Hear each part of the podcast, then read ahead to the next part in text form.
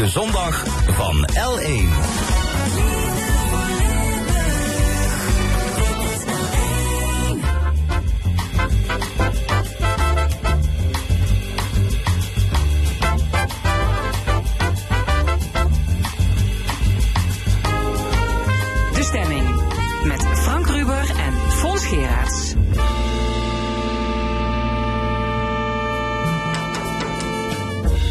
Welkom bij de stemming. Vandaag met de volgende gasten. LLTB-voorzitter Leon Faassen over de stikstofplannen van Remkes. Wetenschapper Joep Leersen verzamelde herinneringen aan de Eurotop van 1991. En onze cultuuranalist Cyril Offermans bespreekt de nieuwe literaire kanon. Hoe staat het met de beheersing van het Duits? Daarover gaan we het hebben in het tweede uur, want dinsdag is het de dag van de Duitse taal. Dan ook een column van Rezi Kouwmans en het panel met Gabrielle Heijnen, Cor Bosman en Wim Haan discussieert over de energiecompensatie, het kampioenschap van Max Max Verstappen en andere actuele zaken. Tot 1 uur is dit de stemming.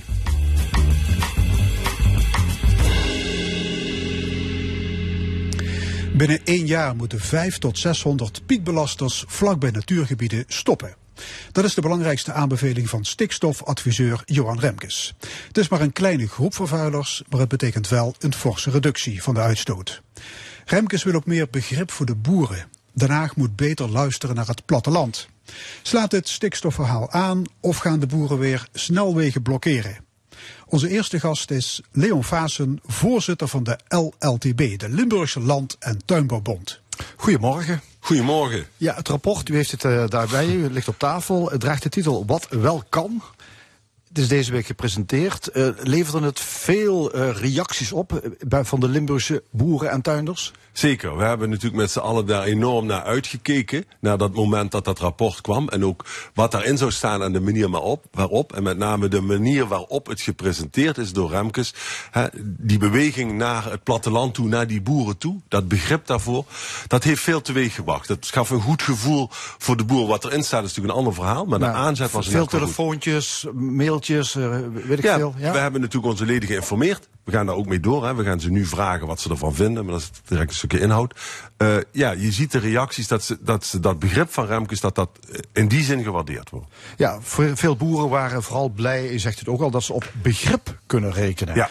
Dat was blijkbaar weg. Het gevoel dat ze begrepen werden. Nou, het vertrouwen is weg. Hè? Dat, dat, dat zei Remkes nog duidelijk. Dat vertrouwen moet echt hersteld worden. Dus dat vertrouwen en dat gevoel bij een overheid die je wil begrijpen en ook iets voor je wil doen. Die afstand tussen Randstad en, en of tussen stad of tussen regering of overheid en de boeren was weg. En dat was ook het algemene gevoel.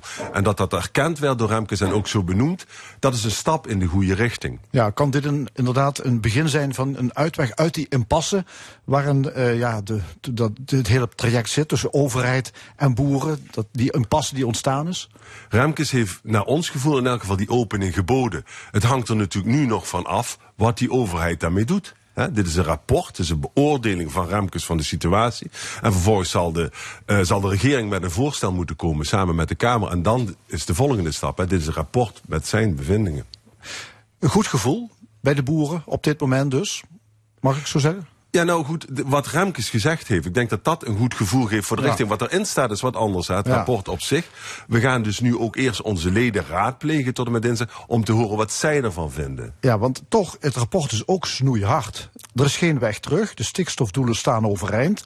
Remkes maakt duidelijk dat het wat hem betreft ook ernst is. Boeren zullen moeten gaan stoppen, een aantal boeren. Dat staat er met zoveel woorden niet. Hij zegt 5 tot 600 piekbelasters moet iets aan gebeuren. Hij heeft niet gezegd dat die moeten stoppen. Da daar moeten we dan beginnen. Hè? 5 tot 600 piekbelasters die moeten klopt. of uitgekocht worden of verplaatst worden. Of innovatie, dat heeft hij duidelijk gezegd. Hij heeft een aantal dingen gezegd. Hè? Hij, ook over dat tijdspad 2030, waar natuurlijk steeds over gezegd is, dat is hij. Daarvan heeft ja. hij gezegd in zijn toelichting, dat is niet heilig. Laten we kijken in 2025, 2028, een evaluatie waar we staan. En dan kijken we ook hoe ver we op dat moment zijn en wat er nog nodig is. Maar Remke zegt ook 2030 blijft overeind staan als het jaar waarin de stikstofuitstoot gehalveerd moet zijn. Hij heeft gezegd, dat doel is niet heilig. Dat heb ik hem horen zeggen. Hij heeft gezegd, 2030 is het doel in de horizon. Maar dan moet je kijken hoe ver je in de tijd komt. En dat is ook een beetje het de achterliggende verhaal in dit geheel. Hè. We hebben nu over 500, 600 stoppers of piekbelasters waar iets mee moet gebeuren binnen een jaar.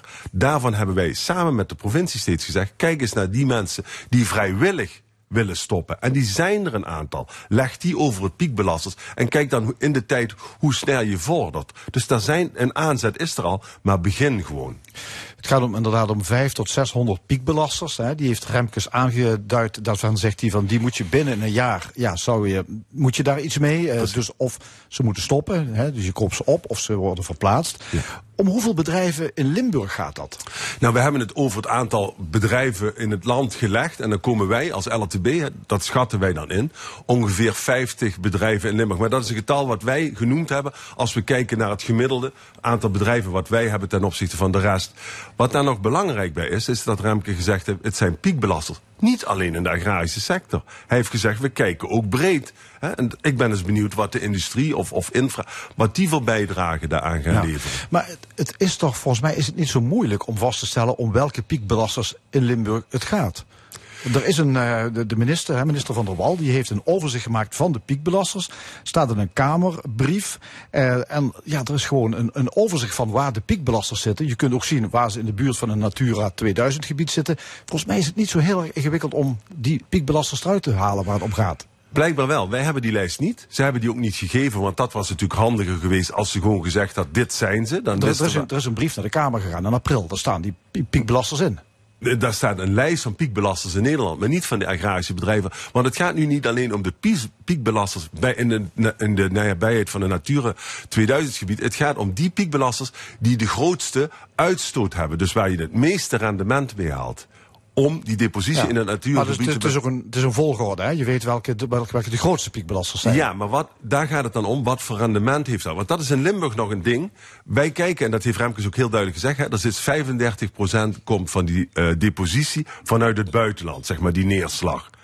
In Limburg is dat in grote delen 70%. Hoe ga je daar dan mee om? Hoe groot is dan ja. het rendement van die die je opkoopt... Ja. ten opzichte van die depositie in dat gebied? Ja, ja, maar terug naar dat lijstje. Dat is een, ja. een, in de top 10 bijvoorbeeld van uh, piekbelasters landelijk... zie je dat er vijf bedrijven in Limburg staan... waaronder Rockwool in Roermond en het Gemmelotterrein in Geleen... en drie boerenbedrijven. In, even kijken, in Venray, Leudal en Gennep. Dat betekent dus dat van die top 10 er al vijf bedrijven in Limburg zitten. Er gaan klappen vallen in Limburg, kan niet anders. Zeker. Zeker, maar niet alleen door, uh, door de bedrijven die opgekocht. Er komt nog wat achter de weg. Want we zijn nu van het kaartje af.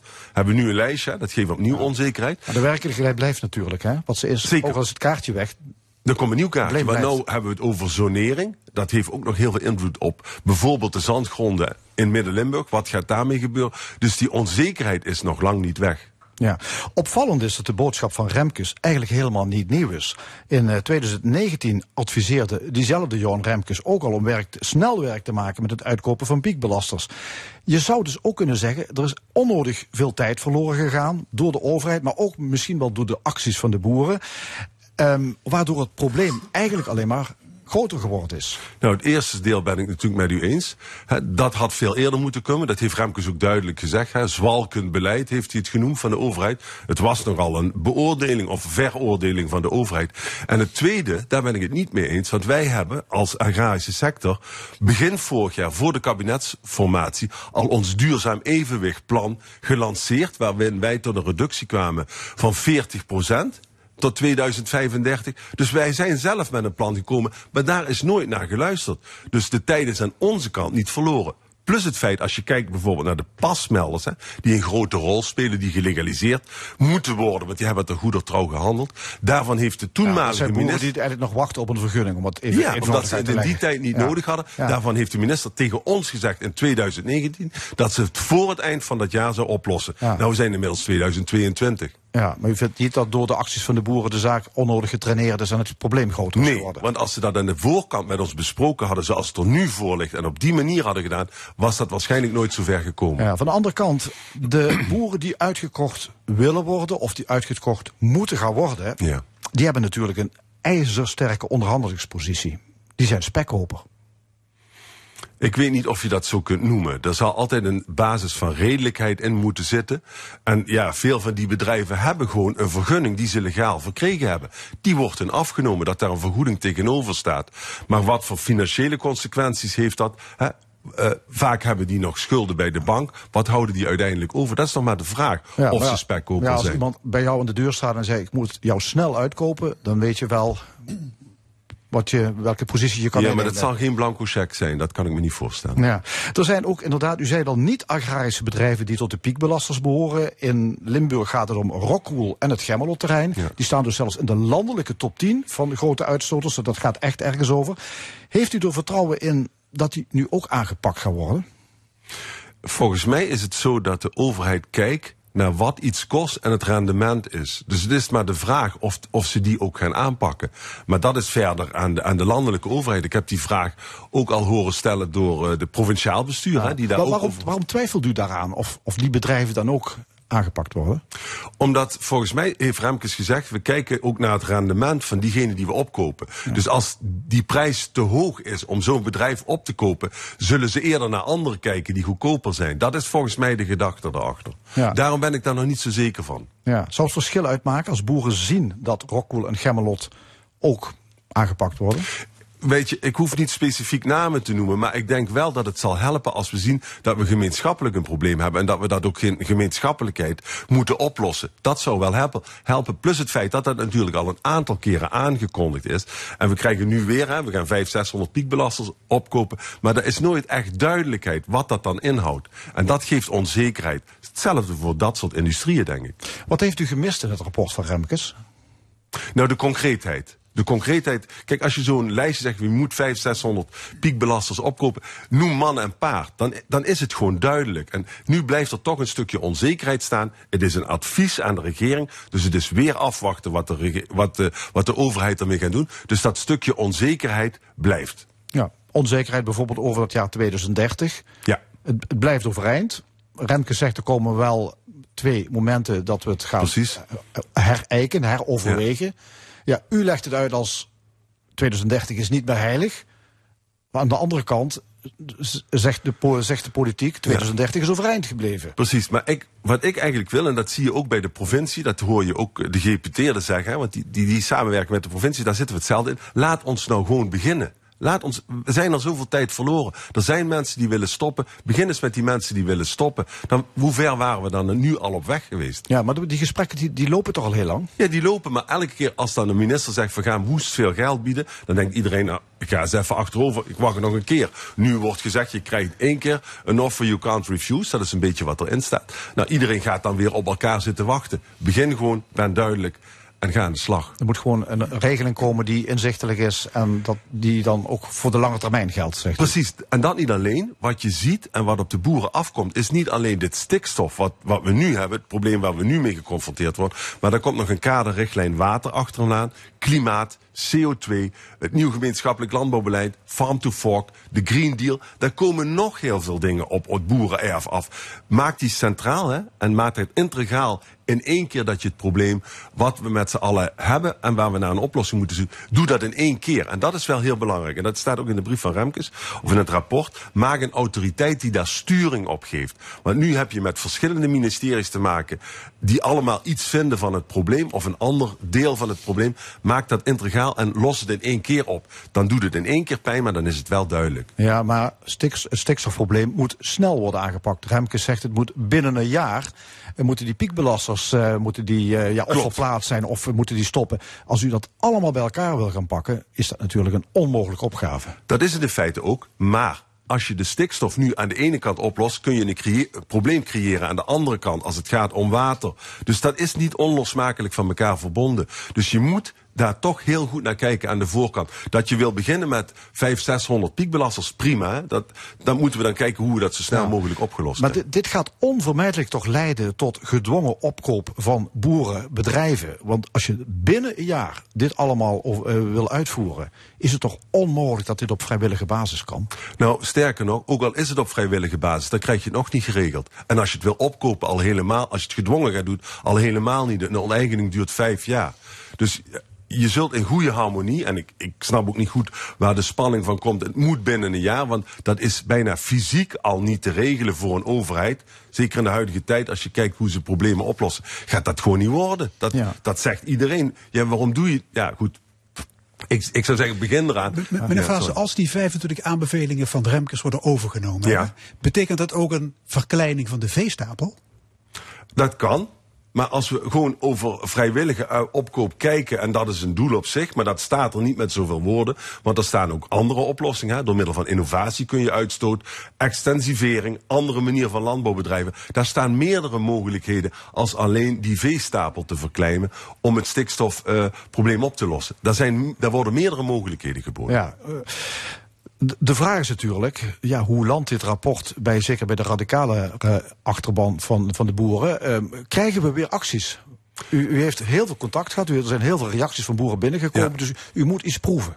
Nou, iedereen is nu eigenlijk, hè, die zeggen, die, dat rapport is een goede aanzet. Er zijn een aantal zeggen, on- afnemen van rechten of, of opkopen is, is, is, is een no-go.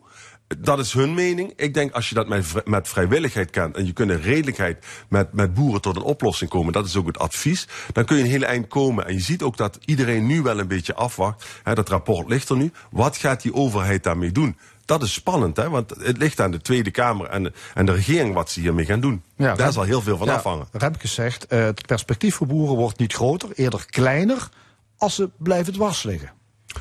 Dat zegt hij, maar aan de andere kant heeft hij ook heel duidelijk gezegd dat er een plek is voor de agrarische sector in Nederland en dat er een toekomst moet zijn voor jonge boeren. Dat heeft hij heel duidelijk benoemd en ook gezegd. Dus dat is de andere kant, hè? dat niet alles overal kan, dat heeft hij al eerder gezegd. Maar hij zegt, wat wel kan, daar moeten we naar kijken. Dus ja, kijk naar het glas wat half vol is, zou ik zeggen. Ja. U stopt binnenkort als voorzitter van de LLTB. Ja, mijn tweede termijn zit Ja, erop. Ik denk dan eh, ja, te zeggen een enorme storm. Hè. De kapitein verlaat het schip, moet onbevredigend zijn nu op dit moment. Dat is de ene kant, maar we hebben een solide schip. Dus daar kan een andere kapitein op. Hè. Als het schip degelijk is en het dit- dat kun je goed handelen. We hebben een fantastische organisatie met goede mensen, een hoop kennis. Andere, hè, er zijn meerdere goede bestuurders. Dus ja, je kunt de kapitein vervangen door een andere. En dan vaart dat schip zeker verder. Vol vertrouwen. 100 procent. Oké, dank u wel. Leo Fase, voorzitter van de LLTB. Graag gedaan, dankjewel. 30 jaar geleden werd het belangwekkende Verdrag van Maastricht ondertekend. Hoogleraar Joep Leersen verzamelde herinneringen aan de Eurotop die eraan vooraf ging. Hij vertelt er zo meteen alles over. Eerst Harry Styles met As It Was.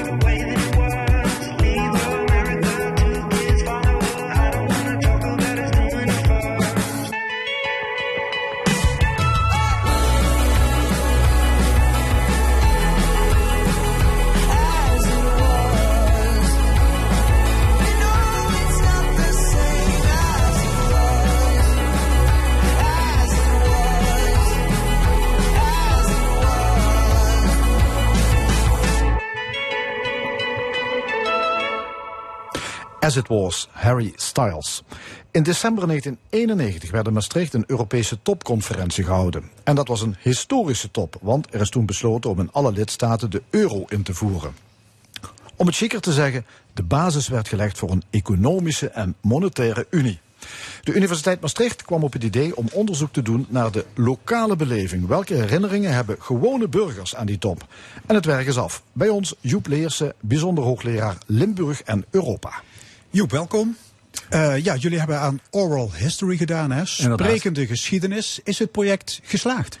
Ja, eh, wat mij betreft wel. Het, het heeft eh, twee kanten. Om te beginnen wordt er een oral history gedaan van de mensen die onderhandeld hebben. Dat is de hoge politiek. En dat zijn dan niet de staatslieden, maar de secretarissen, de, de, wat dan heet de Sherpa's, de mensen die gewoon de dossiers moeten voorbereiden. Die kun je nu nog aanspreken. Dat is now or never, want ze zijn behoorlijk oud aan het worden.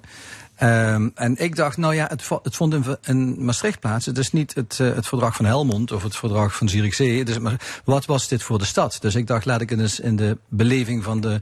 Dat was mijn kant de publieksgeschiedenis. Ja, is 30 en- jaar na dato. Waarom hebben jullie zo lang gewacht?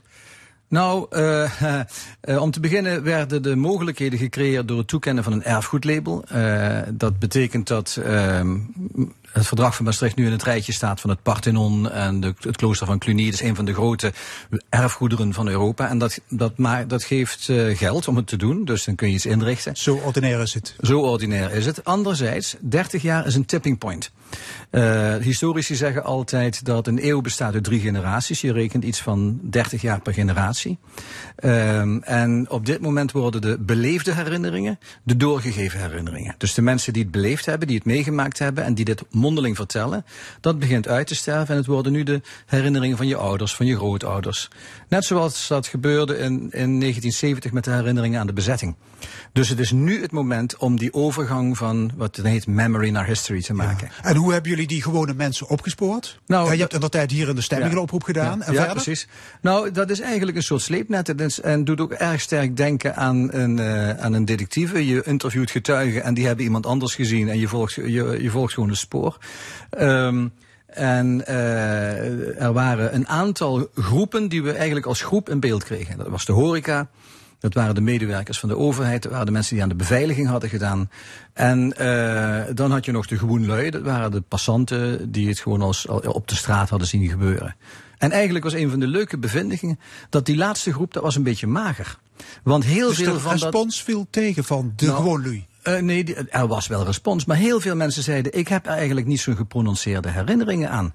En wat, wat voor mij een van de boeiende bevindingen was: mensen hadden eigenlijk veel meer anekdotische herinneringen aan de eerdere top van 1981. Ja. Dan aan die recentere top van 91. Want Margaret- toen zag je Margaret Thatcher Margaret winkelen in de Stokstraat. In, bij de, in de HEMA. Ja. En toen was ook het Salmonella-slaatje. Ja. En dat is blijven hangen. En in die tien jaar is de beveiliging enorm toegenomen. Dat is precies een van de bevindingen.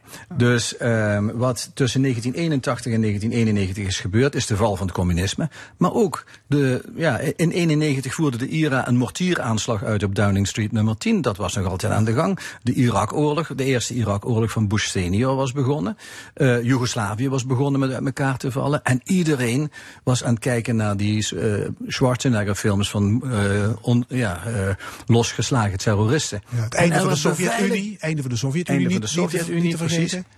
Dus iedereen dacht aan beveiliging, beveiliging, beveiliging.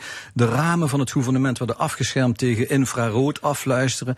En een van de troefkaarten van Maastricht in 91 was... we hebben dat gouvernement en we hebben het MEC, dat ligt veilig aan de overkant van de Maas... en je kunt het goed beveiligen. Het lag letterlijk op een eiland. Letterlijk op een eiland. En op het moment zelf zag je al de krantenberichten. De onneembare vesting, rollen prikkeldraad, enorme motorescortes.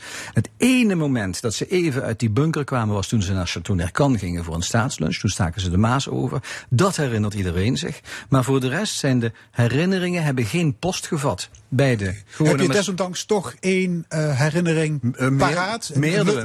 Nee, nee, we hebben er hartstikke veel. Dat is heel leuk. We hebben er een werk. Ik, ik geef jullie. eh, Ik, ik, geef, ik geef er twee. Om, om even te beginnen met eh Chateau Nercan. Eh, de stunt van Camille Oostwegel en, en Harkema was... we laten de gasten hun handtekening zetten op, de, op een mergelwand in de wijnkelder. Hè. Dus, en, nou, dat paste eigenlijk niet in schema. En Beatrix voelde er niet zo voor om met haar gasten een kelder in te gaan. Maar ze kreeg toen uitgelegd dat haar voorouders dat ook al gedaan hadden. Dat eh, als de Oranjevorsten een bezoek brachten aan de Pietersberg, lieten ze een handtekenen. En het krijtje was er nog waarmee dat gebeurde. Dat krijtje bevond zich in het familiebezit van de oude burgemeestersfamilie van de toenmalig onafhankelijke gemeente Sint-Pieter. En dat krijtje werd opgespoord en toen was Beatrix om. En ik heb dus met Valère Keulen, de nazaat van die burgemeestersfamilie, over dat krijtje kunnen praten. En dan merk je dat hele kleine dingen. Eerst familiebezit zijn in een klein dorpje, Sint-Pieter. En dan iets te maken hebben met de band tussen de stad Maastricht en het Oranjehuis. Dan wordt het opeens nationaal. En opeens wordt het internationaal. Dus zo'n ene krijtje speelt op verschillende schaalniveaus mee. Dus een heel kleine petit histoire, maar het zegt veel. Nou, de andere is misschien deze. Ehm, de eh, regeringsleider van Italië, Andreotti, was een zeer gelovig katholiek. Een praktiserend katholiek. eh, een pileren beter, eh, zo- zoals ze het in Maastricht zouden noemen. Die wilde absoluut naar de vroegmis. Elke dag. Hoe ga je dat doen? Beveiliging, beveiliging, beveiliging. Via de pauselijke nuntius zijn doen- toen de zusters van het missiehuis van Petrus Klaver aangezocht. Op de hoek van de Bouillonstraat en het uh, Servaas klooster. Die zaten in de binnenstad. Er werd een Italiaanse priester gecharterd. Die nonnen hebben hun hoofdkwartier in Rome, dus een Italiaanse mis was geen probleem. En twee keer is dus in alle uh, vroegte Andriotti bij die nonnen over de vloer gekomen, vergezeld door twee beveiligingsagenten met enorme geschietgeweren onder hun jas. Dus die, die, ja. En nou ja, als ik dat dan nog even mag toevoegen, wat uh, mijn zegsvrouw, zuster Janine, daar leuk aan vond, was dat zij in 1981 door Top ook had meegemaakt. Maar toen was ze nog niet als non ingetreden. Maar ze was microbiologisch analist bij de Keuringsdienst van Waren. En zij heeft de salmonella-bacterie in het slaatje opgespoord. Mm. Nou, zo zie je dus dat die herinneringen altijd knooppunten zijn en allemaal draadjes die je kunt spinnen en die samenhang geven aan ja. het geheel. Het onderzoek heeft een jaar geduurd. Het is nu af. Wat gaan jullie met al dat materiaal doen? Um, nou, uh, uh, om te zeggen af, uh, het, is in kaart gebracht en we hebben een robuuste, solide analytische basis. Er kan altijd nog materiaal bijkomen. dus, dus niet, maar wat we met het materiaal gaan doen is, ik denk dat wij goed in beeld hebben. Uh, met name die omslag uh, van een, uh, een, Europa dat de burger nog aansprak in 1981 naar een Europa dat zich steeds meer en meer is gaan afkapselen van de gewone burger. door onder meer door die beveiligingscultuur en ook, nou ja, daar, zijn, daar spelen verschillende zaken een rol ten gevolge van Maastricht 92 zijn de Centraal-Europese staten erbij gekomen en die zijn soms wat unilateralistischer. En je kunt eigenlijk zeggen. Uh, het was een respons op de crisis van de val van het communisme. Het was een sprong naar voren. Mm -hmm. Maar het was ook een beetje het, hoog, het, het hoogwaterpeil. En sinds die tijd is Europa wat gaan ebben. Dus die herinneringen zijn heel veelzeggend voor de beleving van Europa bij de Europese burgers. Ja, en heel, en heel concreet, kom, komt er een boek, komt er een film, komt er een tentoonstelling? Er komen een aantal artikelen en ik zal bijdragen aan, aan grotere wetenschappelijke projecten over Europa en de burger. En hoe eigenlijk de Maastrichtse burgers, als het ware, de, de proefkonijntjes waren voor de grotere patronen die daarna hebben postgevat. Was het ook niet zo dat Europa in die tijd uh, veel meer onder de radar zat bij de gewone, me, de ja. gewone man en vrouw? Uh, het ging toch nooit over Europa in die tijd? Daarna kregen we die, die discussies in Nederland. Ja, uh, kijk. Uh, het, speelde wel, het speelde veel meer. En dat was onder andere omdat uh, de politiek van het midden en van de deftige heren in streepjes pak stond nog veel dichter bij de mensen. En uh, sindsdien is de politiek veel meer een kwestie ook van straatvechters geworden. Um, en je moet ook niet vergeten wat hoe de mensen de enorme verbeteringen beleefden die kwamen. Hier in Maastricht moest je met drie muntjes in je broekzak rondlopen.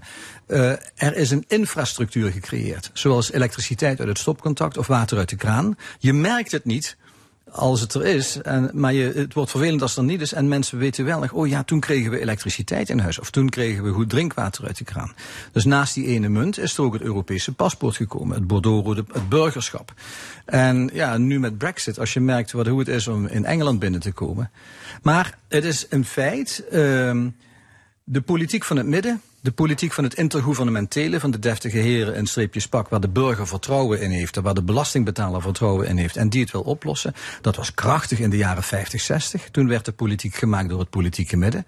En dat is na 1990 sterk gaan eroderen. En ook daar is het verdrag van Maastricht een standmeter van die ontwikkelingen.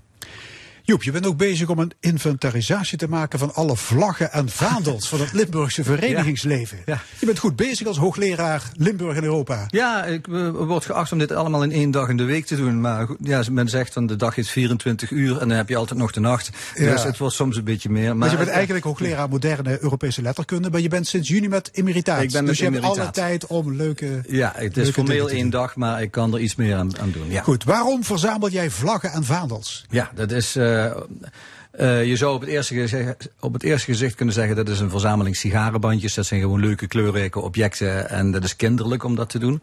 Maar er zit wel iets aan vast. Die vlaggen en vaandels, het zijn de uithangborden van verenigingen. Daarmee manifesteren ze zich, dat dragen ze letterlijk uit als ze de publieke ruimte ingaan.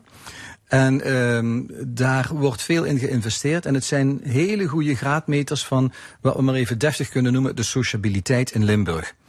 Eh, en Sociabiliteit Sociabiliteit, dat is eh, het verenigingsleven. Mhm. De, de behoefte van mensen om samen dingen te gaan doen in hun vrije tijd. Dat is een enorm belangrijk iets in de publieke sfeer. eh, voor sociologen en voor historici erg belangrijk. En daarbij komen vaandels van het LLTB, van de Mijnwerkersbonden, van de Harmonie en van Fares. Dat gaat op heel veel niveaus. En je bent gestuurd op een vogelvereniging met een bijzondere naam. Ja, dat was de, de Mush in Maastricht. De en die, die, die, ja, die- dat waren mensen die, die hielden vogeltjes in volières. Hadden, waren ook wel eh, geïnteresseerd in postduiven. En die hadden ook een eigen nieuwsbrief. En die nieuwsbrieven die zijn bewaard in eh, het Centre Ceramiek. Dus achter die, eh, die vaandels als manifestaties van verenigingen hebben we ook andere vormen van documentatie, zoals wat dan heet de, de grijze literatuur. Dat zijn nieuwsbrieven, jubileumboekjes, eh, niet-commerciële publicaties. En je kunt nu eigenlijk de database van verenigingen in Limburg die we hebben gebouwd om die vaandels mee te sorteren, die kun je ook toepassen op heel veel andere zaken. En je, we krijgen een hele goede röntgenfoto van de sociabiliteit in Limburg op die manier. Oké, maar Joep, je bent een eminent wetenschapper. Winnaar van de Spinoza-prijs. Je hebt net een nieuwe versie uitgebracht van de encyclopedie van romantisch nationalisme in Europa. Slechts V- 50 vijf keer. voor 1500 bladzijden. Ja. En dan hou je je bezig met vogelvereniging De Mush. Ja, nou ja, het is natuurlijk. eh ehm, het is petit histoire, maar het betekent ook. Dit, dit zijn. Ik noem dit diffuus erfgoed. Het zijn hele kleine dingen, die staan wel dicht bij de mensen. Hanenkraaivereniging De Ochtendgroet. En je kunt daar een beetje Don Camillo en Pepone, haha, streekroman Limburg, dagboek van de herdershond over doen. Maar nee, dit is op een heel fundamenteel niveau wat er in de grassroots aan eh, vrije tijdsbesteding speelt. En inderdaad, soms moet je een beetje glimlachen als je ziet wat er gebeurt, maar daar gaat het niet om. Ehm, het is een enorme, boeiende wetenschappelijke opgave om dat diffuse erfgoed, dat in de haarvaten van de samenleving zit, te condenseren. Terug tot samen te ballen en zeggen, hoe staat het met de bloedgroep, hoe staat het met de bloeddruk? Niet alleen die haarvaten, maar dit is de bloedsomloop van de cultuur van Limburg. En dat heeft wel degelijk een echt wetenschappelijk nut. Ja. Ik noemde net die encyclopedie van romantisch nationalisme in Europa. Eh, een nieuwe versie, hè? Inderdaad. Twee boeken, Ja, ja. 16 1600 bladzijden, 100 400 bladzijden, medewerkers, mijn hemel. 1,2 miljoen woorden. Het is een, en een spotkoopje dankzij mooie subsidie van de overheid, dat ook studenten en jonge wetenschappers het zich kunnen permitteren. Ja. Maar jij als hoogleraar Limburg en Europa, is het vertrek van de pilsbrouwerij van de Brandend Wielree, Ja. is dat ook een vorm van romantisch nationalisme? Gezien Nou, het- de emotionele reacties op, op dat nieuws? Die emotionele reacties, absoluut. Natuurlijk zou het overdreven zijn om van nationalisme in Limburg te spreken. Er is regionalisme. Er is een zeker regionaal ressentiment tegen Hollands centralisme. Ehm, dat is heel oud. Limburg is tegen zijn zin bij Nederland gebleven na de Belgische afscheiding. Eh, heeft met enige moeite en afhoudendheid geleerd om zich eh, onderdeel van het grotere Nederland te voelen. Eh, dat proces, wij zijn er een echt hekkensluiter geweest van de eenwording van Nederland. En men is nog altijd gevoelig als men merkt dat je, dat je gemarginaliseerd wordt. Dat is bijvoorbeeld gebeurd met de opheffing van een symfonieorkest in Maastricht. Dan zie je dat die oude ressentimenten weer naar boven komen. En dan zie je dat de Brands, met die, die slogan die er echt is ingehamerd. Het bier waar Limburg trots op is. Daar ben ik mee opgegroeid als jongetje. Dat was een van de krachtigste reclameslogans aller tijden. Dat wordt A, gekocht door Heineken. een bier dat toch niet graag gedronken, gedronken werd in, onder chauvinistische Limburgers. En nu eh, wordt, haalt Heineken dat dus weg uit Wielren. dus je hebt dan- alle, alle begrip voor de commotie. eh. ik heb er alle Hierover, begrip voor, ja, maar dat is niet zozeer omdat ik een chauvinistische Limburger ben, maar omdat ik inderdaad, eh, omdat ik grote moeite heb met de economische schaalvergroting en de verdienmodellen van grote, eh, laten we zeggen, eh, bedrijven die op de beurs genoteerd staan en die alles voor hun aandeelhouders doen. En dat de kleine bedrijven daardoor fijn gemalen worden. Dus die schaalvergroting in de economie is een probleem. Niet alleen een Limburgs probleem, maar we voelen het wel. Hey, en dat nationalisme, dat is in de 19e eeuw in het behang van Europa gaan zitten. Zit het daar nog steeds? Ja. Eigenlijk? Ja, daar zit dat, en dat is eigenlijk voor mij de bevinding van die, eh, van die encyclopedie en van dat grote project dat nu inderdaad een beetje afgerond is. Ehm, eh, eh, ook dat is diffuus, je merkt het niet. Het is petit histoire, het is anekdotisch, het is de Efteling bij wijze van spreken. Eh, en, maar als je kijkt naar Netflix-series en Netflix-films en hoe daar geschermd wordt met nationaal pathos en helden die de nationale traditie bevechten tegen buitenlanders. Michiel de Ruiter, Redbad, Keno Hasselaar. Ik noem dat popcorn-nationalisme. Dan zie je dat het nationalisme van Sir Walter Scott en Ivanhoe, dat heeft de sprong gemaakt naar nieuwe media. En dat zit nu in een ongelooflijk populistische consumentencultuur, waar nog altijd met chauvinisme, patriotisme en vreemdelingenhaat als, eh als feel-good factor. Ja, en er is ook samenhang tussen nationalisme en het populisme van tegenwoordig. Maar Ja. kom daar eens een keer over terug. Praten we daar verder over. Want ik moet ook even naar de Koninklijke Harmonie Sint Cecilia uit Meer. Jawohl. Jij bent dan lid van. Die harmonie bestaat 200 jaar. Inderdaad. De Om- oudste van Nederland. De oudste van Nederland. Ja, er zijn, mensen, er zijn harmonieën die een eerder oprichtingsjaar in het vaandel voeren. En dat is eh, niet onterecht. Maar die alleroudste momenten bij die oudere verenigingen zijn vaak als zangkoor, als kamerorkest of daarna onderbroken enkele. Wij zijn continu functionerend als ha- harmonieorkest de eerst opgerichte die dus de bakermat van de bluesmuziek ligt in... Absoluut, ja, nee, die, die ligt hier. En eh dus op zich, eh ehm, ja, een heel klein dorpje met een kasteel. En daar moest een processie worden opgeluisterd, 1821. We weten hoe het gebeurde. En nu is het 200 jaar. En ja, eh, daar ben ik wel trots op. De, de Koninklijke Harmonie Sint Cecilia van Meer is eigenlijk een beetje het kanonieke voorbeeld van een echte Limburgse harmonie. Goede muziek, dorpse gezelligheid en een concert om de 200 jaar te vieren. Ja, je moet snel terug naar Meer, want Ja, er wordt gerepeteerd voor het dubbelconcert. Ja. Dat is volgende week zondag. Inderdaad. Dan spelen jullie samen met Sinte Cecile het IJsde in het Theater het Vrijthof in Maastricht. Haast begint om nog drie enkele uur. plaatsen beschikbaar om drie uur. Ja. Joep Leersen, hartelijk dank. Bedankt. Tot ziens. Focus is een van de oudste nog bestaande Nederlandse bands, opgericht in 1968 door fluitist Thijs van Leer. En die is er nog steeds bij, ook vanmiddag, want er staat Focus in de muziekgieterij in Maastricht. Als opwarmer kiezen wij voor hun hit uit 1971, vooruit nog een keer Hocus Pocus.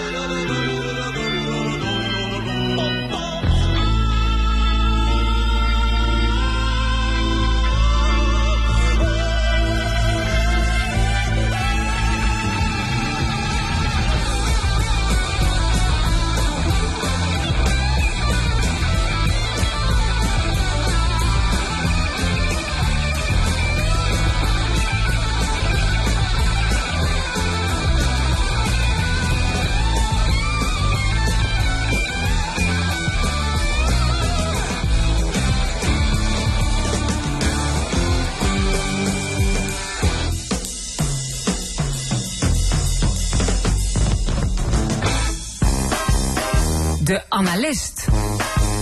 Vandaag cultuuranalist Cyril Offermans. Welkom, Cyril. Hallo jongens. Ja, ehm, ja, cultuuranalist en je kiest vandaag voor de literatuur. Zo is het. Ja, de literaire kanon om precies te zijn. Daar is eh, nou, wat over te doen. Ehm, maar misschien moet jij eh, de luisteraar eerst even uitleggen. Kanon, wat betekent dat eigenlijk? Ja, ehm, ik denk dat de meeste mensen wel de muzikale term kanon kennen. Maar die heeft hier niet veel mee te maken. Kanon is eh, oorspronkelijk een Grieks woord. Betekent regel, richtsnoer, leidraad, dat soort eh, betekenissen. Ehm, het eh, is vooral in zwang gekomen ooit in een katholieke context. Ja, de katholieke kanon. Hè? Daar de katholieke kanon, stonden precies. geloof ik boeken op, die mocht je als katholiek lezen. Of niet lezen, hoe was ja, dat ook, wel, maar, maar Ja. eigenlijk was de kanon in, in oorsprong was het ehm, de verzameling geschriften die officieel eh, tot de Bijbel behoorden. En eh, dat was dus een door de kerk, door Rome, goedgekeurd geheel. En alles wat er buiten viel, dat behoorde niet tot de, eh, ja, tot de erkende eh, gelovige geschriften, zou je kunnen zeggen. En later is, dat, is die term dan ook, eigenlijk pas veel later, denk ik, ik weet niet precies wanneer, is die term ook van toepassing geacht of ge- gemaakt op lijsten van belangrijk geachte boeken. En die dus ook door Rome, zeg maar, goed, gevo- goed bevonden werden. Ja. Het was eigenlijk een soort tegenhanger, zou je kunnen zeggen, van de lijst van verboden boeken. Je had een lijst van verboden boeken, al vanaf de 16e eeuw ik index. ongeveer. Ja. De index, precies. En je had natuurlijk ook een lijst van boeken die aanbevolen werden en daar, of die goedgekeurd werden. Ja, ik denk, En- dan, ik denk dat je weet wat je teweeg brengt eh, op die manier. Iets Maar goed. in die geest, ja. Ja, Ja. ja. Nou ja, goed, de kanon, we, we kennen de, de geschiedeniskanon, de, de historische kanon. eh, eh, en er is ook een literaire kanon, er zijn heel veel kanons, maar jij wil het hebben over de literaire kanon. Ehm, ja, deze, de, het is een lijst van 100 boeken, hè, die is vernieuwd. En Ja. daar was ook al meteen heel veel commentaar op. Hoe zit jij erin? Was je er wel niet blij mee? Nou, mijn bezwaar, ik heb bezwaren tegen die kanon. En die zijn van meer principiële aard dan de bezwaren die je in de krant tegenkwam. Die ik overigens eh, ook voor een belangrijk deel tamelijk onzinnig vond en Ja, dat ging over de inhoud, welke boeken staan Ja. erop. Maar jij zegt, Ja. ik heb eh, principiële bezwaren tegen het gebruik van de kanon. Ja. Kijk, een kanon ehm, gaat ervan uit, althans een lijst van 100 belangrijk geachte boeken. Ook nog in rangorde van 1 tot en met 100. Ja, op nummer 1 staat het onbetwiste meesterwerk dat de eeuwen eh, met gemak doorstaat. En dat dan, laat ik maar zeggen, een absoluut klassieke status heeft verworven. Ehm, Zo'n lijst gaat ervan uit dat boeken makkelijk vergelijkbaar zijn. En dat is niet zo. Het is, je zou kunnen zeggen eh, dat, dat de grondgedachte die aan zo'n kanon ten grondslag ligt, als dat niet een beetje dubbelop geformuleerd is, eh, die, die klopt niet. Eh, die gaat er namelijk van uit dat eh, literatuur en ook kunstuitingen in het algemeen een soort sportuitingen zijn. Kijk, in de sport kun je zeggen dat iemand die zich aan een bepaalde discipline overgeeft, dat die zich bijvoorbeeld conformeert aan de daar geldende regels. En dan zijn al die deelnemers die aan die discipline deelnemen, die, zijn, eh, die hebben zich allemaal daarmee, eh, die hebben daarmee ingestemd. Die weten allemaal dat ze de 100 meter moeten lopen en dat ze op een bepaald moment moeten beginnen. En dan valt, er ook, dan valt ook tot op de tiende, tot op de duizendste seconde uit te maken wie de beste is. Maar in de kunstwereld gaat het, gaat het om heel andere dingen. Een kunstenaar en een schrijver dus ook, uiteraard, die ontwerpt zijn eigen regels. Die wil juist niet lijken op wat andere mensen allemaal doen. Die wil zijn eigen ei leggen, om het maar heel populair uit te drukken. En um, die is dus uit, die is eerder uit op onvergelijkbaarheid dan op vergelijkbaarheid.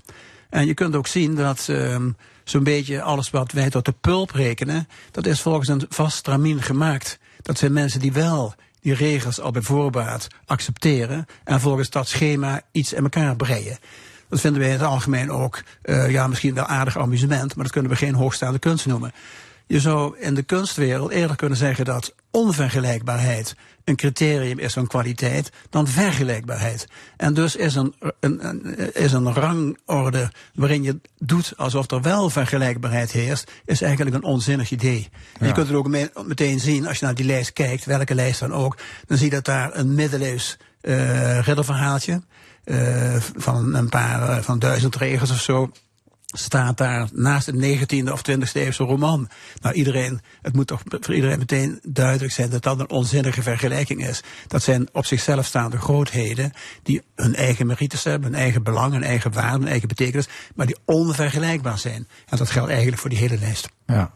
Ja, ik snap dat de stopwatch en spelregels, hè, die kun je in de, in de sport gebruiken, in de literatuur natuurlijk niet. Maar je kan natuurlijk wel kijken naar de impact die misschien een werk heeft gehad. Dat is wat anders, ja. Dat zou zeker kunnen, ja. Dat zou kunnen.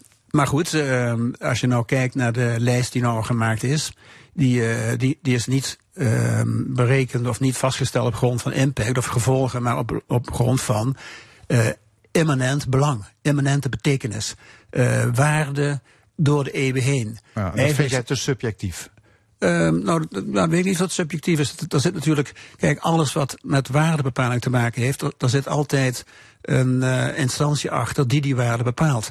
Vroeger was dat de kerk, tegenwoordig is dat de, het enquêteformulier en er zitten allerlei dingen tussen natuurlijk.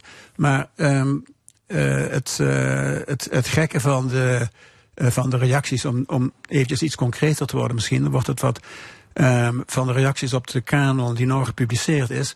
Dat is dat mensen eh, bijna aan alle kanten vonden dat er een, over, een, een overvloed aan dode witte mannen op die lijsten stonden. Ja, als je Nou, het dat dan over de inhoud hebt, hè, los van eh, de, of je de kanon nou wel of niet een goed idee vindt, Ja. maar even naar de inhoud inderdaad.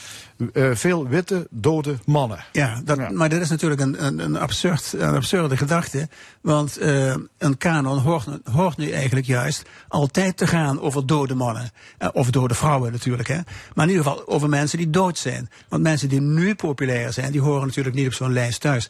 Op deze kanon heb ik, ik heb ze niet allemaal in mijn hoofd hoor, maar er, zitten, er staan mensen op die tien jaar geleden nog, daar had nog nooit iemand van gehoord. En die is zelfs iemand die met twee boeken vertegenwoordigd is op die lijst, van wie zes, zeven jaar geleden nog nooit iemand had gehoord. Waarom, En waarom kunnen die niet in een kanon terechtkomen? omdat een kanon een bovengenerationele waarde zou moeten vertegenwoordigen. Het gaat om zogenaamd klassieke boeken. Ja, dat, is, dat is ook de term die voortdurend terugkeert. Het moeten boeken zijn die niet, laat ik maar zeggen, thuis horen in de waan van de dag, om die, om die vorm, formulering te gebruiken, maar die daarboven uitstijgen. Het is een En soort monumentenzorg waarvan je moet zeggen, er moet een generatie overheen zijn Ja. gegaan voordat je dan kan, pas blijken, dan kan pas blijken of het werkelijk belangrijke boeken zijn. En boeken die, laat ik zeggen, eh, de afgelopen tien jaar eh, ge- geschreven zijn, die horen daar dus per definitie niet op thuis. Het gaat per definitie om boeken of om kunstwerken, als je het wil uitbreiden, die een eh, langer leven beschoren zijn en die ook voor voorgaande generaties van betekenis zijn geweest. Anders heb je een populariteitslijst van nu. Ook Ja, prima, mag je de- boeken eh, top niks 10, op tegen verder. ja. Maar dat, die zijn er al lang, die lijsten. Dus daar hoeven we niet een kanon Ja. van het leven te maar even terug naar het eh, argument ehm, dat er eh, vooral dode witte mannen op die lijst staan. Nou, dat is ook logisch. Hè? Dat dood hebben we het nou al over gehad. Ja. Eh, het blijkt trouwens ook niet zo te zijn. Er staan heel veel eh, levende witte Ja, mannen op. dat heb je net uitgelegd, ja. Maar Ja. het, het witte is natuurlijk ook zo logisch als wat. Want als je bedenkt hoe de literatuurgeschiedenis zich de afgelopen halve eeuw, zal ik maar zeggen, ontwikkeld heeft, of laat ik zeggen van na de oorlog, dan blijkt dat de deelname van vrouwen pas de laatste 10, 20, 25 jaar op stoom gekomen is. En dat daarvoor inderdaad het, het Rijk beheerst werd, beheerst werd door mannen. Ja. Dat is nu eenmaal zo.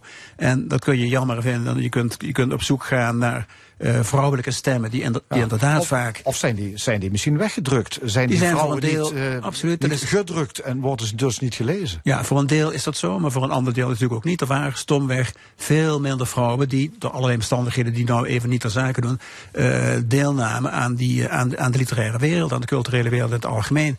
Dat is de laatste jaren enorm veranderd. Hè. Op het ogenblik is er eerder een, een dominantie van vrouwen in alle literaire afdelingen. Vrouwen schrijven en vrouwen lezen. Ja, dat is waar, absoluut. Dus eh, je zult ook zien dat het nou heel snel verandert. En dat er heel, heel snel veel meer vrouwen op de top 10 lijsten staan en dergelijke.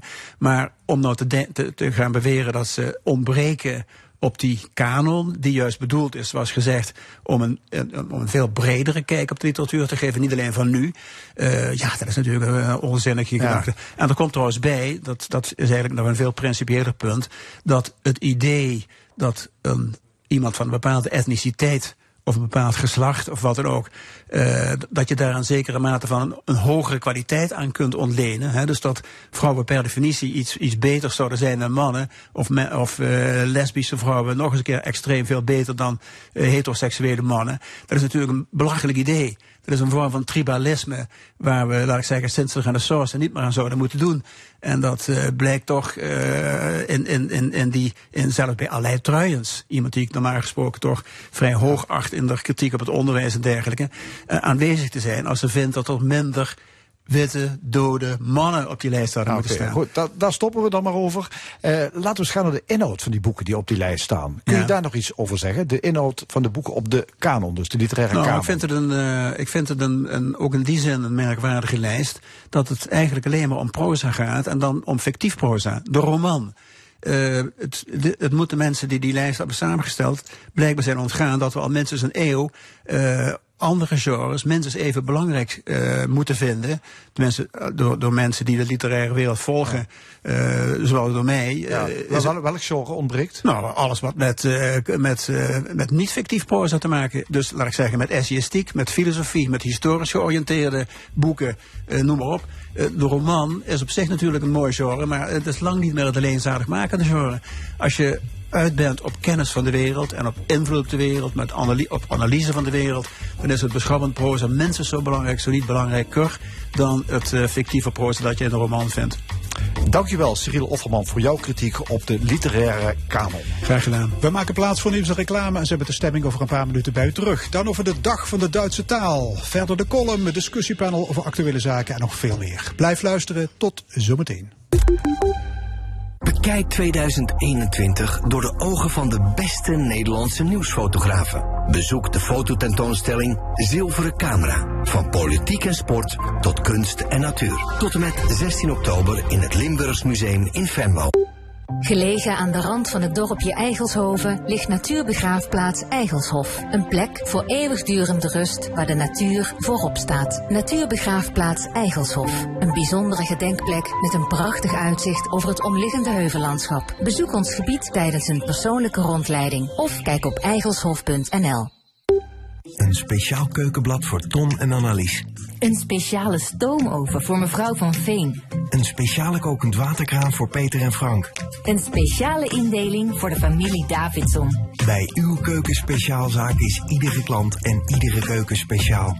Uw keukenspeciaalzaak. Speciaal voor u. Wij zijn Levanto Groep. Echte mensen met hart voor de geestelijke gezondheidszorg en maatschappelijke opvang. Met daadkracht en lef gaan wij voor het beste voor onze cliënten. Kom jij met ons buiten de lijntjes kleuren? Kijk dan op levantogroep.nl. Ga naar Vink Vormgeving in Keukens in Molenhoek. En we maken speciaal tijd voor u vrij. Kom werken bij Levanto Groep. Echte mensen. levantogroep.nl. Het muzikale meesterwerk Carmina Burana komt in een grootse versie eindelijk weer terug naar Nederland. Vanaf 2 december te zien in onder andere Amsterdam, Den Haag, Rotterdam en Groningen. Mis het niet en reserveer nu uw tickets via worldconcerts.nl.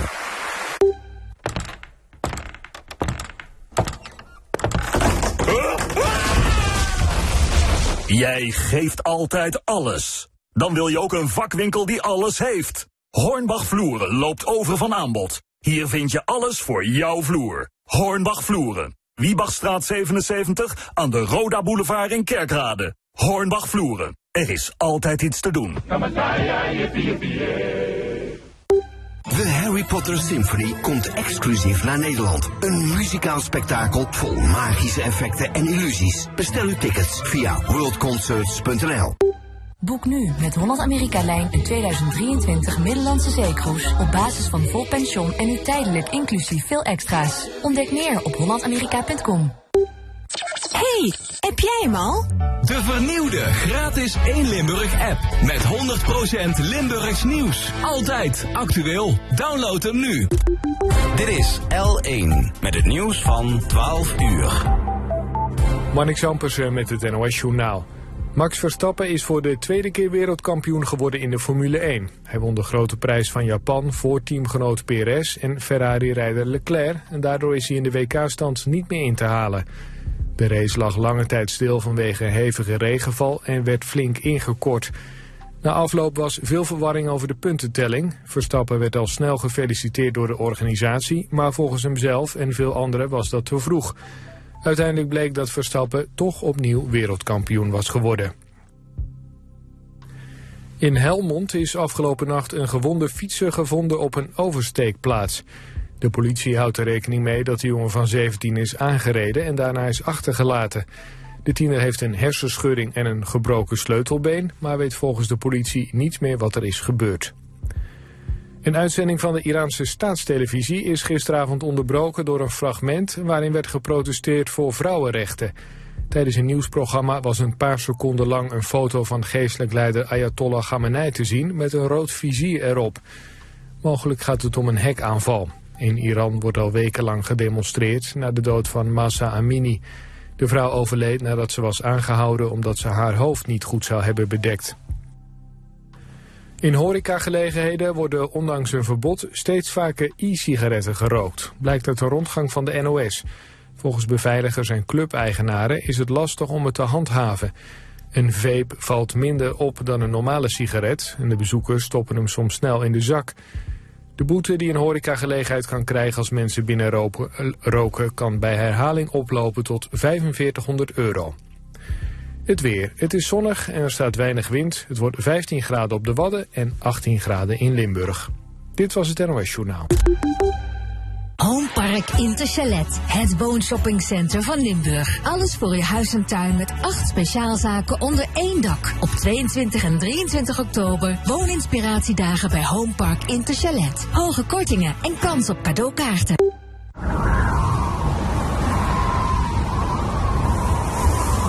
Kun je rijden op de wind? Elektrisch rijden is pas echt groen als je op duurzame energie rijdt.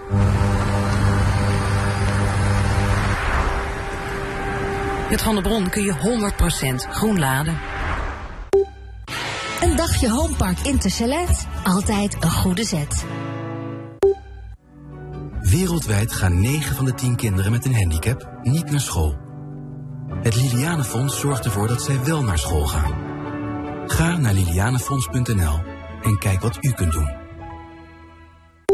Wat het juiste hoortoestel voor je doet, het verandert je leven. En toch hoeft het je niets te kosten. Want Van Bokstel Hoorwinkels vergoedt tot 31 oktober de kosten die uw zorgverzekeraar niet vergoedt. Eigen risico en kosten oplaadsbaar mogelijk van toepassing. Kijk voor informatie en voorwaarden op vanbokstelhoorwinkels.nl Voor 3 euro per maand helpt u een kind met een handicap naar school. Ga naar lilianenfonds.nl. ANWB, hoe kan ik je helpen? Of je nu slimmer wil navigeren, goedkoper wilt tanken, een laadpaal nodig hebt of een parkeerplek zoekt. Alles voor onderweg in één app. Download nu de nieuwe ANWB Onderweg app. ANWB, hoe kunnen we jou helpen? Het is Broekentiendaagse bij Berden. Alleen deze dagen krijg je 50% korting op je tweede jeans, comfy broek of nette pantalon van merken als Brax, Angels, PME, Jason en Levi's. Bezoek een van de Berden winkels of shop online op berden-fashion.nl en profiteer van 50% korting op je tweede merkbroek. In het verkeer zit je niet op je telefoon. Ik ga nu rijden. Ben even mono. Mij niet appen. Ik stap nu op de fiets. Mij niet appen. Yo, kom eraan. Mij niet appen. Ben er met een uurtje. Mij niet appen. Ik zie je zo, schat. Mij niet appen. Laat anderen voor vertrek weten dat je onderweg bent. Zo raak je niet afgeleid. Rij Mono en kom veilig thuis. Ga vandaag nog naar Berden en scoor 50% korting op je tweede merkbroek tijdens de Broekentiendaagse. Tot snel in een van onze Berden winkels of online op berden-fashion.nl. Vivantus Ouderenzorg biedt persoonsgerichte zorg aan kwetsbare ouderen. Dichtbij wanneer dat nodig is. Past dit ook bij jou? Bekijk onze vacatures op vivantus.nl. Dit is de zondag van L1.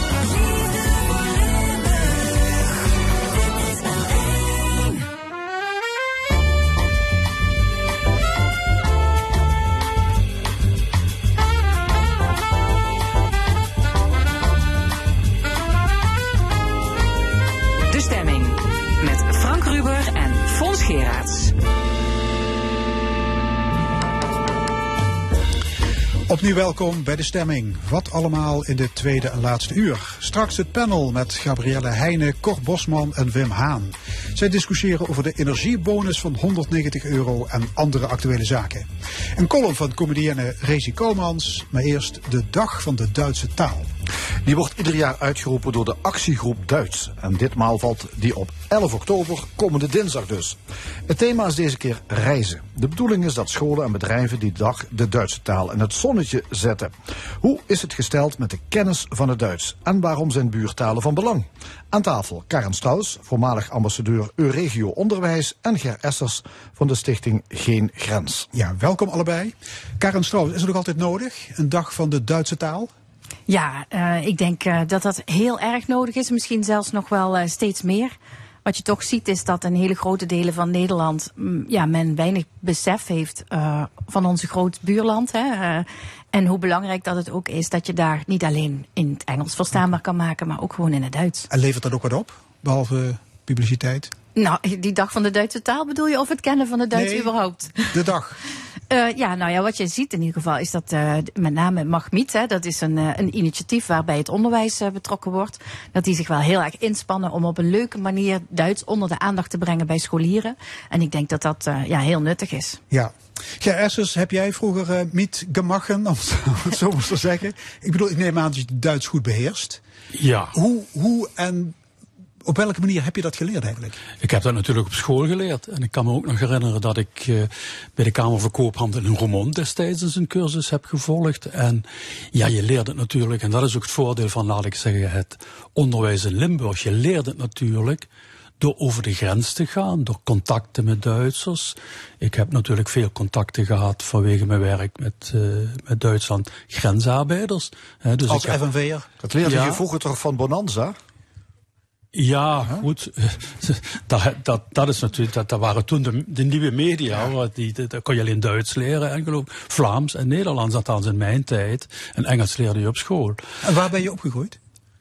Ik ben opgegroeid in Kerkrade. Ja, dat, is, ah, is ja, bijna, ja, dat is bijna Duitsland. Gemeente, ja.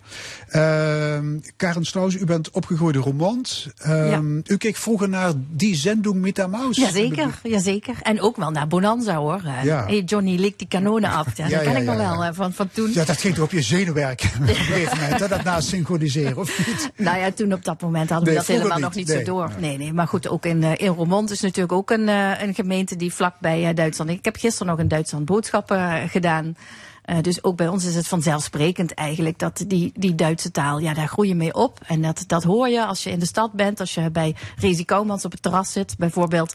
Dan hoor je al die Duitse gasten die daar langskomen of die hun boot daar in de haven hebben liggen. Ja, dat is iets vanzelfsprekends. En die vanzelfsprekendheid maakt natuurlijk ook dat wij in Limburg daar veel vertrouwder ja. mee zijn dan in andere delen ja. van Nederland. Maar het gezinstrouwens hadden vroeger toch de boodschappen in België? Uh, en je wel. werkte in Roermond, dus ja. zo vaak kwam je niet de Duitse grens over. Nou ja, ik heb ik. als student heb ik altijd bij Vroom en Dreesman uh, gewerkt. En als je daar in de winkel werkt, dan, uh, ja, dan op dat moment kwamen er. Ik, ik, sprak op één dag Nederlands, Limburgs natuurlijk, Duits. Engels, van, vanwege de, de, de, Engelse basis die over de grens lag op dat moment nog.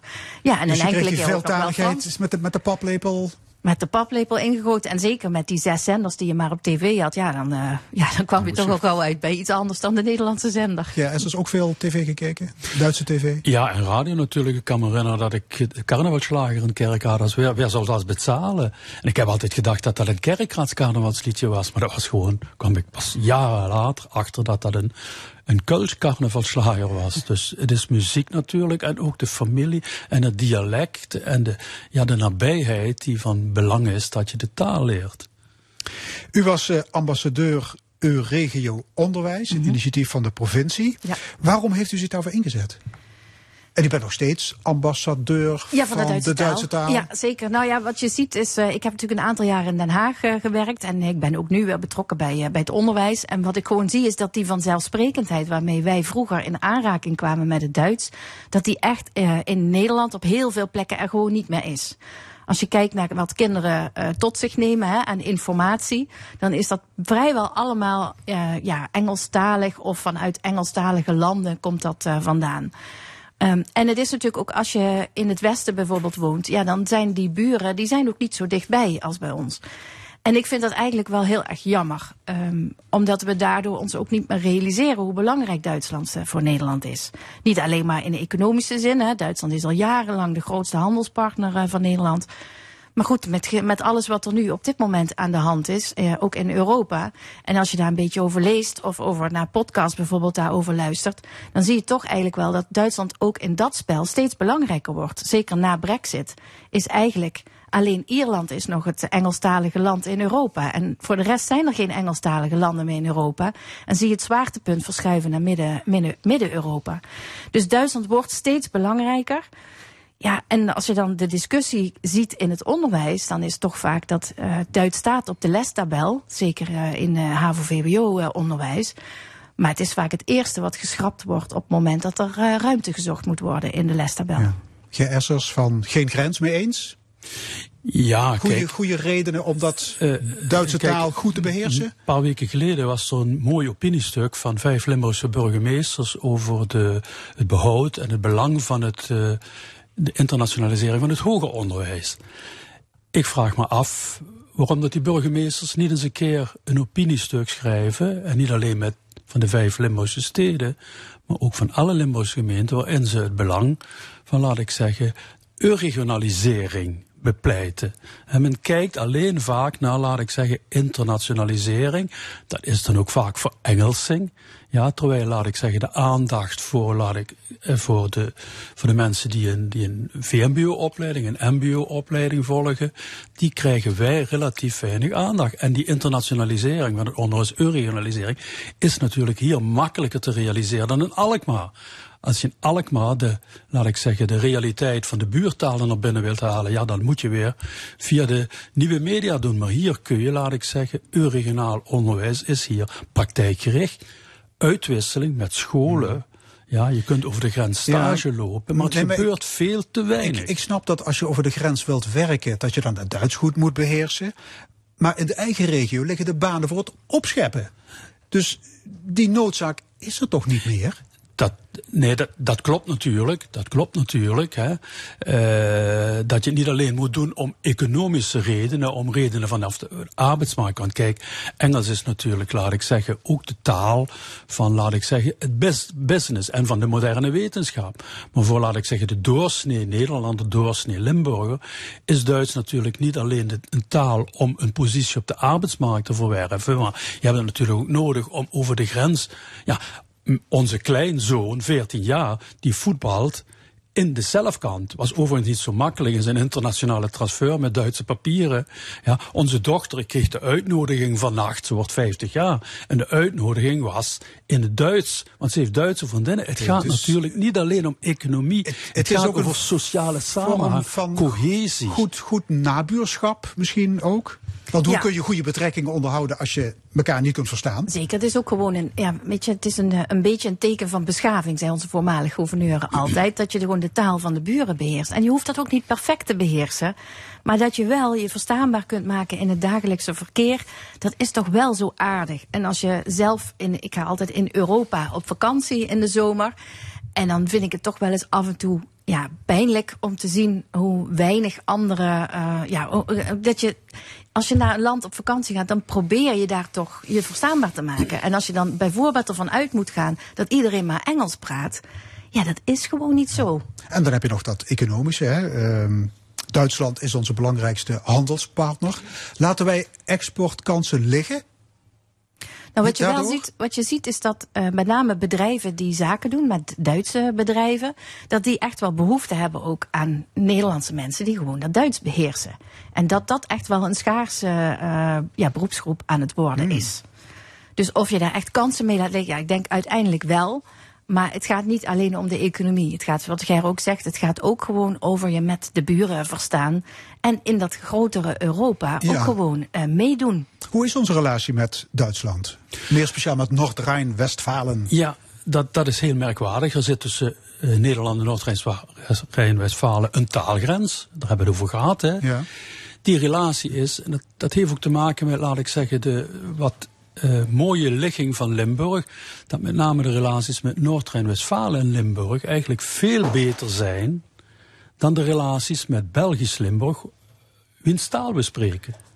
En, maar heb je dan over relaties op bestuurlijk, uh, ambtelijk niveau? Want ik heb toch het idee dat de gewone burger toch ook met de rug naar Duitsland staat. Nou, laat ik zeggen, Venlo speelt natuurlijk altijd een belangrijke rol. Hè. Dat is als het ware onze ambassadeurstad richting Duitsland. Ja. Een belangrijke rol in, als het gaat om de relaties met Noord-Westfalen. Je ziet ook langzamerhand dat, dat eh, dat uh, Heerlen zich meer gaat oriënteren op Aken. Men wil een intercity-trein van Den Haag naar Aken. Dus je ziet ook onze provincie, dat, dat deel wat aan de oostgrens ligt, zich oriënteert op Noord-Westfalen. De openbare vervoersverbindingen bijvoorbeeld met, met Noord-Rijn-Westfalen, met Duitsland, zijn veel beter. Maar waarom? Omdat Arriva, onze regionale uh, vervoerder, is een dochter van de Duitse Bundesbahn. Hmm, dus dat, dat, loopt veel beter. Maar als je kijkt hoe die verbindingen zijn met bijvoorbeeld België, alleen maar het openbaar vervoer, dat is natuurlijk erbarmelijk. Terwijl we, althans met een groot gedeelte van België, dezelfde taal spreken. Ja. Er is meer aan de hand. Ja, in België, de liefde tussen de beide Limburgen is helemaal uit, hè? Ja, die is echt helemaal uit. Ja, ja er, is een, er is een rapport opgesteld met aanbevelingen hoe kun je samenwerken op het gebied van cultuur, onderwijs, media, toerisme, noem maar op. Jullie hebben dat rapport willen aanbieden aan de beide gouverneurs. Mislukt. Dat, dat mislukt, ja. Laat ik zeggen, dat, dat kunnen ze zeggen, dat ligt aan de gouverneurs, aan de politieke kleuren van de gouverneurs. Nou, ik vind dat beide goede gouverneurs. Maar het mislukt gewoon. Om en, da, en dan zie je dus, laat ik zeggen, daar zelfs waar dezelfde taal wordt gesproken, dat die sociale cohesie heel weinig is. Er mislukken heel veel projecten aan de Nederlands-Belgisch-Limburgse grens. Ja. ja, maar goed, maar gouverneurs hebben een drukke agenda. Jullie hadden misschien wat, wat moeten aandringen. Ja, natuurlijk. Dat blijven we doen. Ik geloof dat maandag eh, aanstaande wordt een, de Interlimburgse kersenvla aangeboden.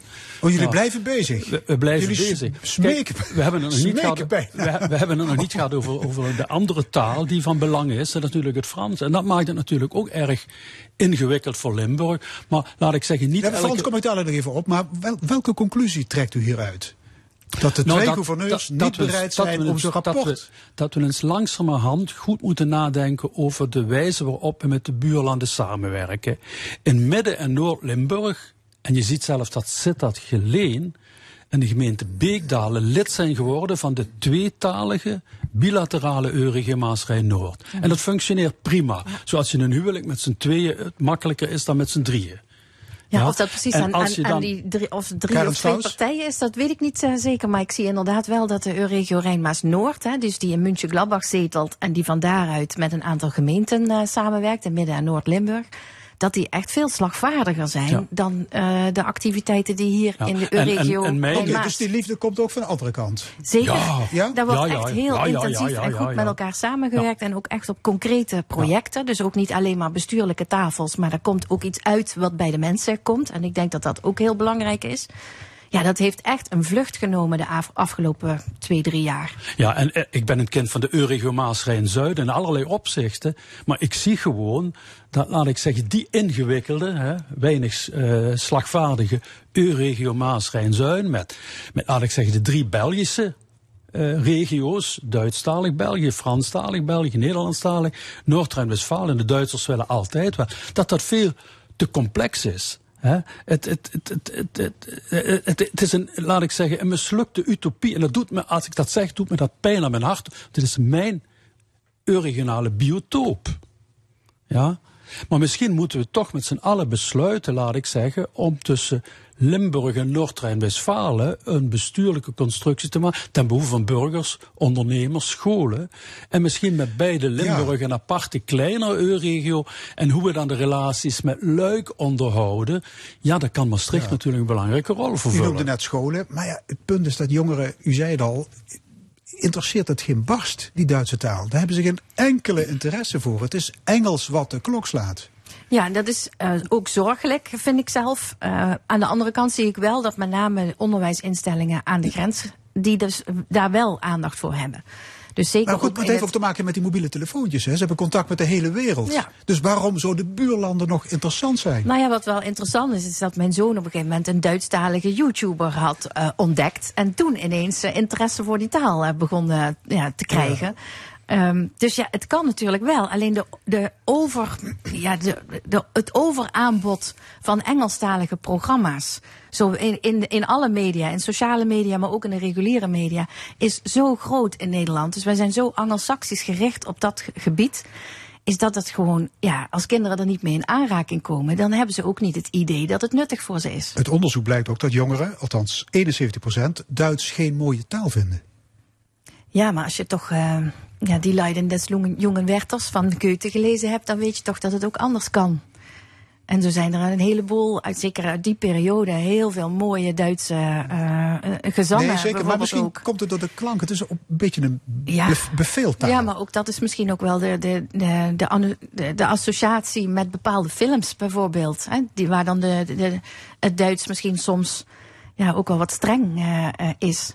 Terwijl ik denk als je andere films ziet, ja, ja dat is denk ik een kwestie van aanbod. Goed, het wemelde de afgelopen 10, 15 jaar voor de initiatieven om buurtaalonderwijs te stimuleren. Ja, zijn we er veel mee opgeschoten? Nou, wat ik heel erg interessant vind, voor Limburg niet zo leuk, maar wel voor de rest van Nederland, is dat er steeds meer initiatieven in de rest van Nederland langs de grens uh, zichtbaar zijn.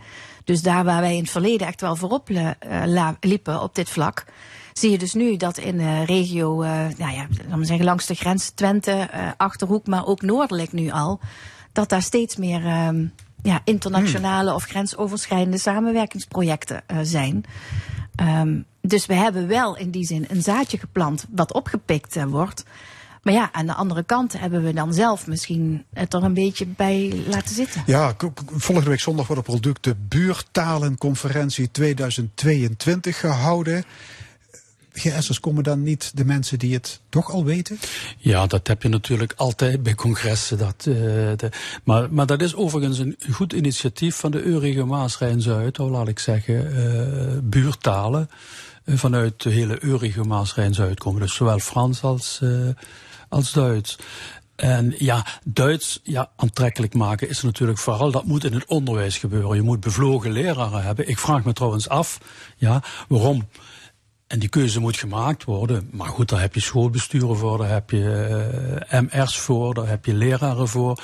Kijk, uh, heel veel uh, Limburgse scholen zou eigenlijk Duits in de, brug, in de brugklas verplicht moeten zijn. Ik heb me altijd afgevraagd waarom dat Frans wel in de, in de brugklas wordt gegeven en Duits niet.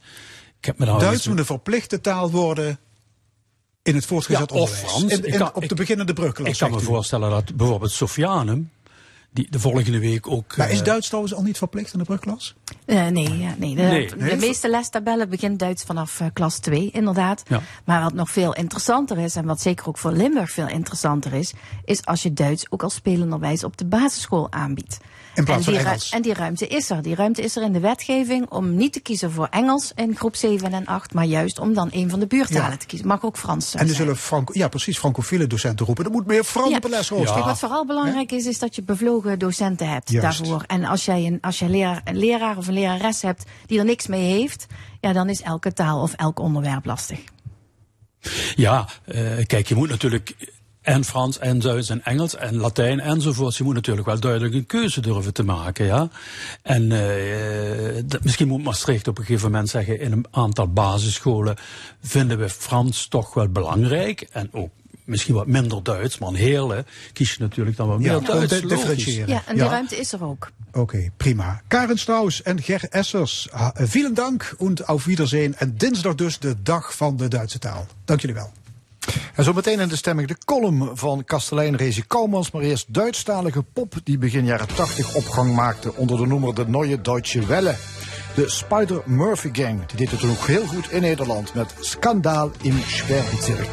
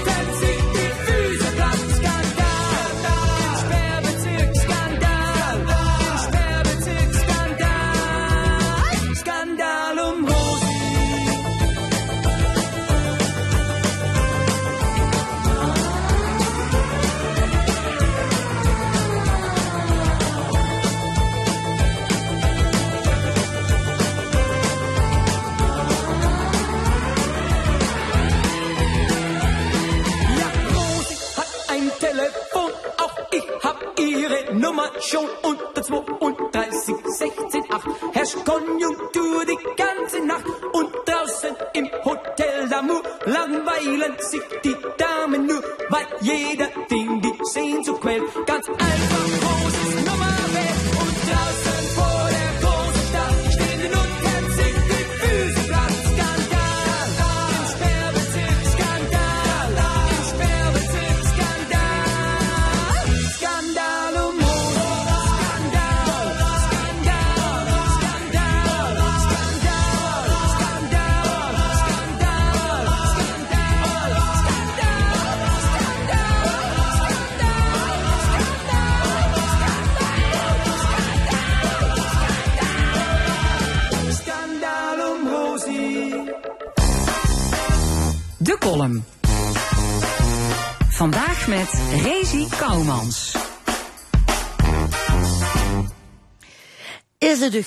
opgevallen dat er extreem veel eikels zijn dit jaar? Ik bedoel, veel eikels geven een strenge... Wacht even, oh, een ogenblik, ik moet even het opnieuw doen. Hoppakee. Wacht, ja, nee, ik ben, eh, ben heel eh, super bezig hier, techneut. Is het u ook al opgevallen? Veel eikels, had ik al gezegd. En veel eikels geven een strenge kaaie winter. Althans, volgens de pseudo-boeren hier bij mij op het terras. Ik heb namelijk neven mijn kroeg een enorme eikelenboom staan. Tevens de woonplaats van twee torteldoeven, dus zomers heb ze stront en in de herfst eikels. In al die 18 jaar dat ik daar zit, kan ik me ook niet heugen dat er zoveel eikels ooit waren. De lui die breken zich bekans te knuik over die kringen. En aangezien ze altijd voor die eigen deur moest keren, heb ik dus vol gooie moed de bezem gepakt. En ze bijeen geveeg. Du kent nu eenmaal niet de gemeente overal voor opdraaien. Maar het is water naar de zee dragen, leef lu. De boom, de blieft geven. Du zoudt er moedeloos van weren. Hou er dan toch een paar negelen, zeggen diezelfde pseudoboeren. Dan bussen ze zo van de boom af. Maar ja, de natuur is toch prachtig? Als er niet toevallig op die stoep staat. Of neven die boerderie. Want boven zijn ook fantastische beesten als ze niet toevallig een soppenfokker op de Veluwebus. En zo is het met vuil. Goed, als het niet op die stoep is. Windmeulens machtig, maar niet in mijn wei. Gaas, geweldig, zolang het maar in Groningen blief. En asielzoekers natuurlijk, maar wel vooral in Ter Apel, want bij ons in de gymzaal, nee, dat is onmenselijk uh, voor ons. En daarom, leeflu, is het maar goed dat er zoveel wieze, grieze kerels, en oké, ook een paar vrouwen zijn, die dan voor ons de beslissingen nemen. En die dan bepalen. En ja, kost dan helaas. Je boeren de kop. En je hebt bakkers, en slechters, en restaurants en wat heurig gemmelot of rockwool. Maar wat moet, dat moet. Alles voor het grotere geld. Uh, sorry, doel. De hogere macht, die bepaalt voor dich als vrouwmes dat het onzedelijk is dat als ze die hoorluid zien. Ach ja, weet ze, ik knip nu ook maar gewoon hier live in de vurt, in de radio. Mijn hoor af. Echt serieus, ik ga het doen. In godsnaam. Huppakee, weg ermet. Zo. Ja, want je kunt niet alles aan de overheid overlaten. We moeten zelf onze eigen stoep keren. Elke dag opnieuw. Want zijn eikel zat. We gaan het heel kaart krijgen deze winter. De column van de nu paardenstaartloze Rezi Kouwmans. We gaan naar het discussiepanel. Drie opiniemakers bespreken het nieuws van de week. Vandaag over de energiecompensatie voor huishoudens en het MKB en de aanbevelingen van Johan Remkes. Van harte welkom gemeenteraadslid en ondernemer Gabrielle Heijnen, Cor Bosman, ook ondernemer, en Wim Haan, headhunter in het hogere segment. Ja, Max Verstappen, die werd uh, wereldkampioen vanochtend in uh, Japan. Uh, heeft iemand van jullie daar naar gekeken? van, be van begin tot het einde, hè? Ja? het was een lange zit. Ja, wat, wat vind je daar mooi aan? Nou, wat, ik daar mooi, wat ik vandaag heel mooi vond, was het Japanse publiek. Het regende en er is een verbod om daar een paraplu op te steken, omdat je dan andere mensen hindert. En dat doen ze dan keurig. Kijk, daar, daarvoor kijk je naar Formule 1. Nee, daar kijk je niet naar Formule 1, want dat duurde ontzettend lang. En wat er nu ook plaatsvindt, is dat een groot stuk van de emotie helaas wegblijft. Omdat uh, uiteindelijk iemand wint en denkt dat hij geen wereldkampioen is. En even later door een beslissing is hij toch wel wereldkampioen. Ja, want uh, Verstappen is geëindigd, wel de race gewonnen, ja. maar was nog geen wereldkampioen. Ja. En wat gebeurde er? Ja, jury uh, grijpt in. de jury grijpt in. Ehm, Leclerc die eindigt in eerste instantie als tweede. waarbij hij ergens in de voorlaatste bochten dat hij even binnendoor ging. Waardoor Perez uiteindelijk toch, Leclerc die krijgt een straf van vijf seconden. Waardoor Perez weer tweede wordt. En dan gaat de jury zich over de reglementen buigen. En dan een of andere rare puntentelling. Blijkt dus dat Max Verstappen toch wereldkampioen is. Uh, helaas de apotheose zoals het vorig jaar.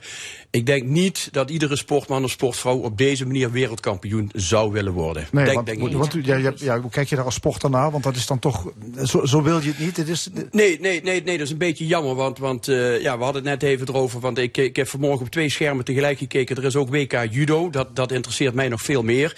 Als ik dan zie dat dan in finales mensen met straffen uiteindelijk van de mat afgestuurd worden. Waardoor iemand anders uh, derde of tweede wordt. Je wil als sportman of sportvrouw, dan wil je op een, op een eerlijke, competitieve manier wil je winnen. En niet ja, met regeltjes, gesjoemel, et cetera. Ja, wat gaat dit nog uh, geven? Groots uh, feest in, in nou, weet ik niet, want vorig jaar kwam uh, Verstappen niet opdagen. Hè? Al, alles wat er voor hem georganiseerd had kunnen worden. Ja, wellicht dit jaar wel. Maar vorig jaar was natuurlijk ook corona. En dit jaar was, is er maar één winnaar. En dat is toch uiteindelijk denk ik wel Max Verstappen. Ja, maar vorig jaar was er ook een heleboel commotie ja. rond die laatste ja. race. Hij kan niet op een normale manier wereldkampioen nee. worden. Daar is die Limburger voor. Een deelspel. ja. ja. Nou ja, Monegaskaan geloof ik. Limburger? Ja. Nooit, nooit in Nederland gewoond die man. Ja. Maar ja, neem niet, neem niet weg dat, uh, dat in dit seizoen, vorig jaar was het inderdaad, ging het tot de allerlaatste ronde, tot, tot zelfs de allerlaatste bochten. Uh, en dan het, waan, ja, het wanhopige geschreeuw van Toto Wolff van 9-9 Mikey, dat is waar niet right op zijn uh, Duits-Engels. Maar uh, dit jaar is Max Verstappen gewoon superieur. Dus dat is gewoon een kwestie van tijd. Niet of dat hij wereldkampioen zou worden, maar gewoon een kwestie van tijd waar en wanneer. Ja, oké. Okay. Wordt vervolgd en misschien nog ergens een grote huldiging voor Max Verstappen. Um, Iets anders. Elk Nederlands huishouden ontvangt in november en december 190 euro als tegemoetkoming in de hoge energiekosten. Wat vinden jullie daarvan? Ja, ja kijk, um, er lag natuurlijk een enorme druk. Hè. Deze maatregel wordt nu ingevoerd omdat het prijs, prijsplafond pas 1 januari uh, wordt ingevoerd. En er lag een enorme druk op het kabinet om daarvoor eigenlijk ook nog iets te doen. En dan wordt er last minute wordt er dus weer zo'n generieke maatregel uh, ja. ingevoerd. Dat geldt echt voor iedereen, hè? Ja, ja kijk, en in principe heb ik er niks op tegen dat er ook mensen van profiteren die het eigenlijk niet nodig hebben. Alleen als je daarmee wel alle mensen zou helpen die daadwerkelijk in de problemen zijn of komen. Maar dat is niet zo. En dat is ook mijn bezwaar eigenlijk um, ja, met dat prijsplafond. Uh, je helpt alsnog niet iedereen. Neem bijvoorbeeld de gezinnen in slecht geïsoleerde huurhuizen. Dus ik hoop wel dat er op de langere termijn een gerichtere aanpak komt. Omdat er gaat hier enorm veel geld mee gepaard. Uh, en dit ga je ook niet heel lang volhouden. Ik bedoel, die, die, die gasprijzen zullen niet snel gaan dalen. Um, dus je moet wel echt een gerichtere aanpak gaan doen. Want ja, je kan niet met dit soort bedragen ja. blijven strooien. Nee, want die 190 euro komen ook terecht bij miljonairs die in de quote uh, 500 staan, ja. Wim Haan. Ja, Had zijn er maar niet... 500 dan. Ja, ja dat, zijn, dat, dat scheelt. maar er zijn heel veel mensen die krijgen dit bedrag ook en die hebben het eigenlijk niet nodig. Nou, ja, ik, ik, je zegt gaan we generieke maatregelen. Laten we nou eens uh, voor hele complexe problemen hele simpele maatregelen proberen in gang te zetten. Want wij zijn in Nederland ook wel in staat om bij hele complexe problemen nog complexere oplossingen te bedenken. Waar alleen nog maar gedoe over plaatsvindt over wie nou ergens waar recht op heeft. Dus het is vooral een heel sympathiek gebaar. Het is een duur gebaar. Ik denk dat ze tijd kopen. Ik denk dat er naar de hand absoluut wel andere maatregelen komen. En met heel veel diversiteit. Ja, het gaat ook maar om twee maanden. Het gaat om twee ja. maanden. Ja, ja, maar alsnog help je daar dus niet de mensen mee. We hebben hier vorige ook een discussie gehad. Is het kabinet te laat begonnen? In die zin wel. Dus het is sympathiek. Het is sympathiek eigenlijk om meer het eigen beeld te redden van we doen iets. Maar in principe doe je eigenlijk vrij weinig. Gemeenten bijvoorbeeld staan nu eigenlijk in de startblokken van oké, wat moeten wij ook doen hè, voor het MKB? Um, geef ons iets, geef ons bijvoorbeeld geld. Dan kunnen wij met die noodfondsen ja. te werk gaan. Dat zie ik dan liever dan dit soort maatregelen. Ja, wie heeft hier eigenlijk wat aan? Sommige mensen hebben het niet nodig, anderen zijn er alsnog helemaal niet bij gered. Dus ik, ja, ik vind het gewoon een wassen neus. Ja, Cor Bosman, hoe kijk jij ernaar? Ja, ik hoor Gabrielle zeggen sympathiek gebaar. Nou, ik vind, ik vind eigenlijk wat, wat onze overheid op dit moment heeft gedaan, en niet één keer, maar meerdere keren, is gewoon een hele dikke vinger aan iedere Nederlander gegeven. Want ze hebben en te laat ingegrepen. En wat ze nu aan het doen zijn, is inderdaad alleen maar het eigen gezicht te redden. En het is eigenlijk een druppel op een gloeiende plaat. Je vindt, je vindt die 190 euro had ook niet gehoeven? Nou, die had niet gehoeven. Uh, ik denk als je het totale bedrag wat daarvoor vrijgemaakt wordt, ik denk dat je dat op een vele andere en, en verstandiger en betere manier uh, uh, zou kunnen inzetten.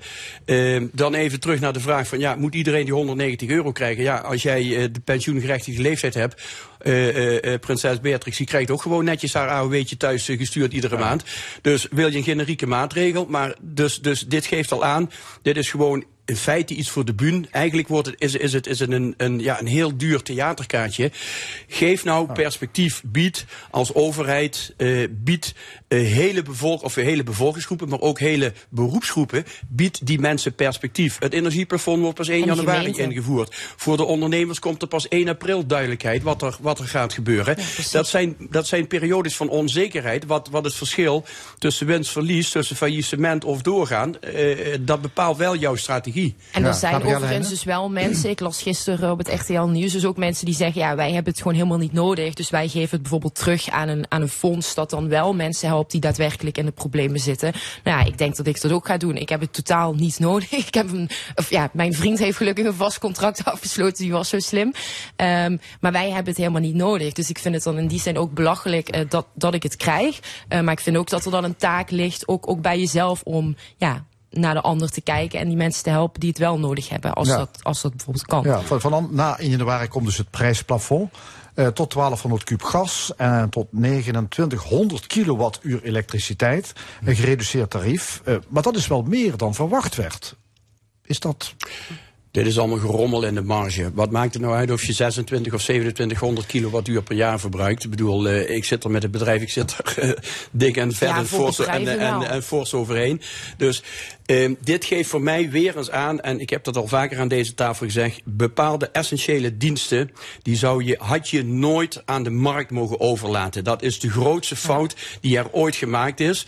En, uh, je wilt de liberalisering van nou, de, ja, de energiemarkt. De, ja, de, bijvoorbeeld van energie, maar zo zijn er nog veel meer uh, segmenten. Dat had je dus nooit mogen doen. En, en het argument wat destijds werd aangehaald van het werkt de concurrentie in de hand. Nee, wat we in de loop van de 10, 20 jaar dat dit systeem bestaat uh, alleen maar ziet is dat er gewoon monopolieposities staan. En dat een overheid geen enkel middel heeft nee. om daarop te interveneren. En dat is heel erg schandelijk. ACM heeft ook toegegeven uh, recent dat, dat ze eigenlijk allerlei uh, cowboys eigenlijk op de energiemarkt hebben toegelaten. Ja. En nu geen enkel inzicht meer hebben ja. in uh, wie er wel goed voor staat en, en wie niet eigenlijk. Ja, maar, maar dat, vind ik wel interessant. Dat vind ik wel interessant. Want we constateren nu dat de overheid maar steeds moet bijspringen als het fout gaat. En het gaat vaker fout wat -hmm. dat betreft. Dus de overheid wordt dan een soort van pinautomaat en zorg ik ben het volledig met je eens dat een aantal essentiële diensten niet in de marktpartijen horen. Gezondheidszorg, daar hoef je niet in te kiezen. Het moet geregeld zijn, onderwijs en nutsvoorzieningen. Maar dat krijgen we niet meer teruggedraaid. Nee. Dat, vind ik, dat vind ik het allerergste. We krijgen het niet meer teruggedraaid. En we staan er met z'n allen bij. En we zitten met z'n allen maar links en rechts te bewegen naar marges en dat soort oplossingen. En een van de grootste krachtige interventies, komen we straks wellicht ook op, zijn toch ondernemers die veerkracht hebben. Mm. Want die hebben veerkracht. Die kunnen in elk geval iets betekenen. Dus ik vind het ook wel heel erg makkelijk. Misschien is dat een verkeerd woord voor een bedrijf dat zegt: we moeten stoppen door deze crisis. Nee, want nou ja. ik heb juist geleerd ik heb juist geleerd dat een aantal ondernemers zeggen hoe, hoe erg de crisis ook zijn, maar we gaan er op een bepaalde manier ook wel doorheen komen. Ja, ja. Maar met alle, ja, met alle respect, ik ken ook ondernemers. Ik heb het geluk dat ik heb een zaak in Maastricht. Ik huur inclusief, hè, dus ik zit nu, uh, ik zit nu heel goed. Maar voor sommige mensen gaat het gewoon met, met, ja, met, met honderden, soms wel duizenden euro's omhoog. En dan heb je geen keuze om zuinig aan te doen, want de lamp hè, of, of de apparatuur moet gewoon aan. Mm -hmm. Ja, dan heeft het, vind ik, niet meer echt veel te maken met een mindset van veerkracht. Hoe veerkrachtig die mensen wellicht ook zijn. Maar op een gegeven moment ja, kom je gewoon in de schulden. Dus ja, dan, dan moet je, vind ik echt wel als overheid nu, uh, ook met een pakket voor het MKB MKB komen. Ja, maar ik zou, zou die winkeliers vooral eens willen oproepen om de deuren dicht te doen. Want Dat- er dat slaat doen er de nergens meesten op nou dat je ook. als het vriest de deuren op hebt staan. Ja, maar dat zijn, dat zijn inderdaad natuurlijk alle kleine beetjes helpen. Maar als je gaat kijken naar productiebedrijven, zoals bijvoorbeeld een bakker, eh, die heeft heel veel gas nodig. Hè, want de, de, de meeste bakkers die doen het liefst op gasbakken. Eh, nou, stroom kan ook, maar goed, dan gaat het stroomverbruik gaat gigantisch omhoog. Die zijn dus gewoon afhankelijk van die energie om hun productie te maken. Kunnen ze Ja. dat niet meer betalen, dan houdt het gewoon ergens op. En dan even terugkomend op die veerkracht van die ondernemers. Ehm, mijn vrouw en ik, wij hebben nu 22 jaar de zaak in Roermond. Over drie jaar word ik 65 jaar. Wij hadden destijds onze financiering op 25 jaar afgesloten. In de wetenschap destijds, 65 krijg ik pensioen. Ik laat toch niet die laatste drie jaren, alles waar ik mijn hele leven voor heb gewerkt, laat ik toch niet in één keer in de lucht opgaan. Dus die veerkracht die ondernemers hebben, eh, is ook af en, of nee, is, is, is, is ook heel erg gekoppeld aan overlevingsdrang. En aan je pensioen ook, ja, ja. Dit is mijn pensioen. Wij hebben geen pensioenpotje. Ons pensioen Ja. zit gewoon in het pand. En zo zitten met mij eh, eh, familiebedrijven van vader op zoon op dochter. Die, zo zitten heel Ja. veel ondernemers in het MKB. Ik, ja, ik las over een restaurant Romans. Dat gaat van 2000 euro per maand Ja, naar Herodian. 13.000. Ja. Maar het is wel zo dat het kabinet natuurlijk werkt aan een steunpakket. Ja, maar voor ze het zijn, MKB. ze zijn te laat. komt. Het kabinet is zo ver losgezogen van de werkelijkheid. Want eh, eh, toen, we over, eh, toen we drie jaar geleden, toen we begonnen met het hele coronageneuzel... eh ik hoor meneer Rutte nog zeggen van, eh, van... ja, we zitten allemaal in hetzelfde schuitje of in hetzelfde bootje. Nee, meneer Rutte, jij hebt je chauffeur met dikke auto. jij hoeft je geen zorgen te maken in het torentje dat daar het licht niet gaat branden. En jij krijgt iedere maand krijg je fijn je, je centjes betaald. Je hoeft, je hoeft nergens een steunmaatregel aan te vragen. Dus we zitten niet allemaal in hetzelfde bootje. En ons kabinet staat erbij, kijkt ernaar, maar doet gewoon niks. Omdat ze de pijn en, en, en het verdriet Ja, en ze doen wel wat, alleen dat heeft natuurlijk wel even laat. nodig. Dat kan niet van vandaag op Nee, maar het is- natuurlijk. het is ook wel wat. Het Ze, doen het verkeerd. En kijk eens naar het bedrijventerrein Gemmelot. De helft van de bedrijven ligt daar gewoon plat. Ja. Ja. Dus, dus, Ja. dus Roermond Rockwool, ik eh, kennis van mij die werkt daar, ze hebben daar al één productielijn stilgelegd.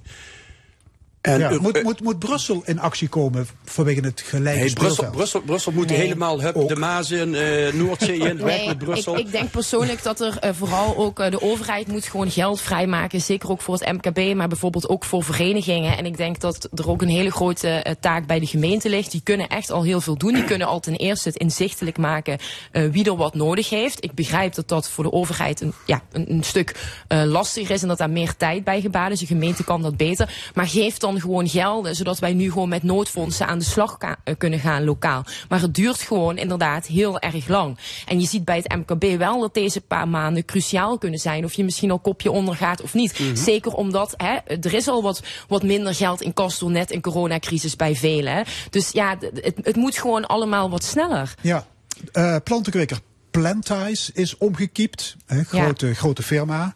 Een van de grootste plantenkwekers van Nederland. Vestigingen in onder meer Kessel en Barlo.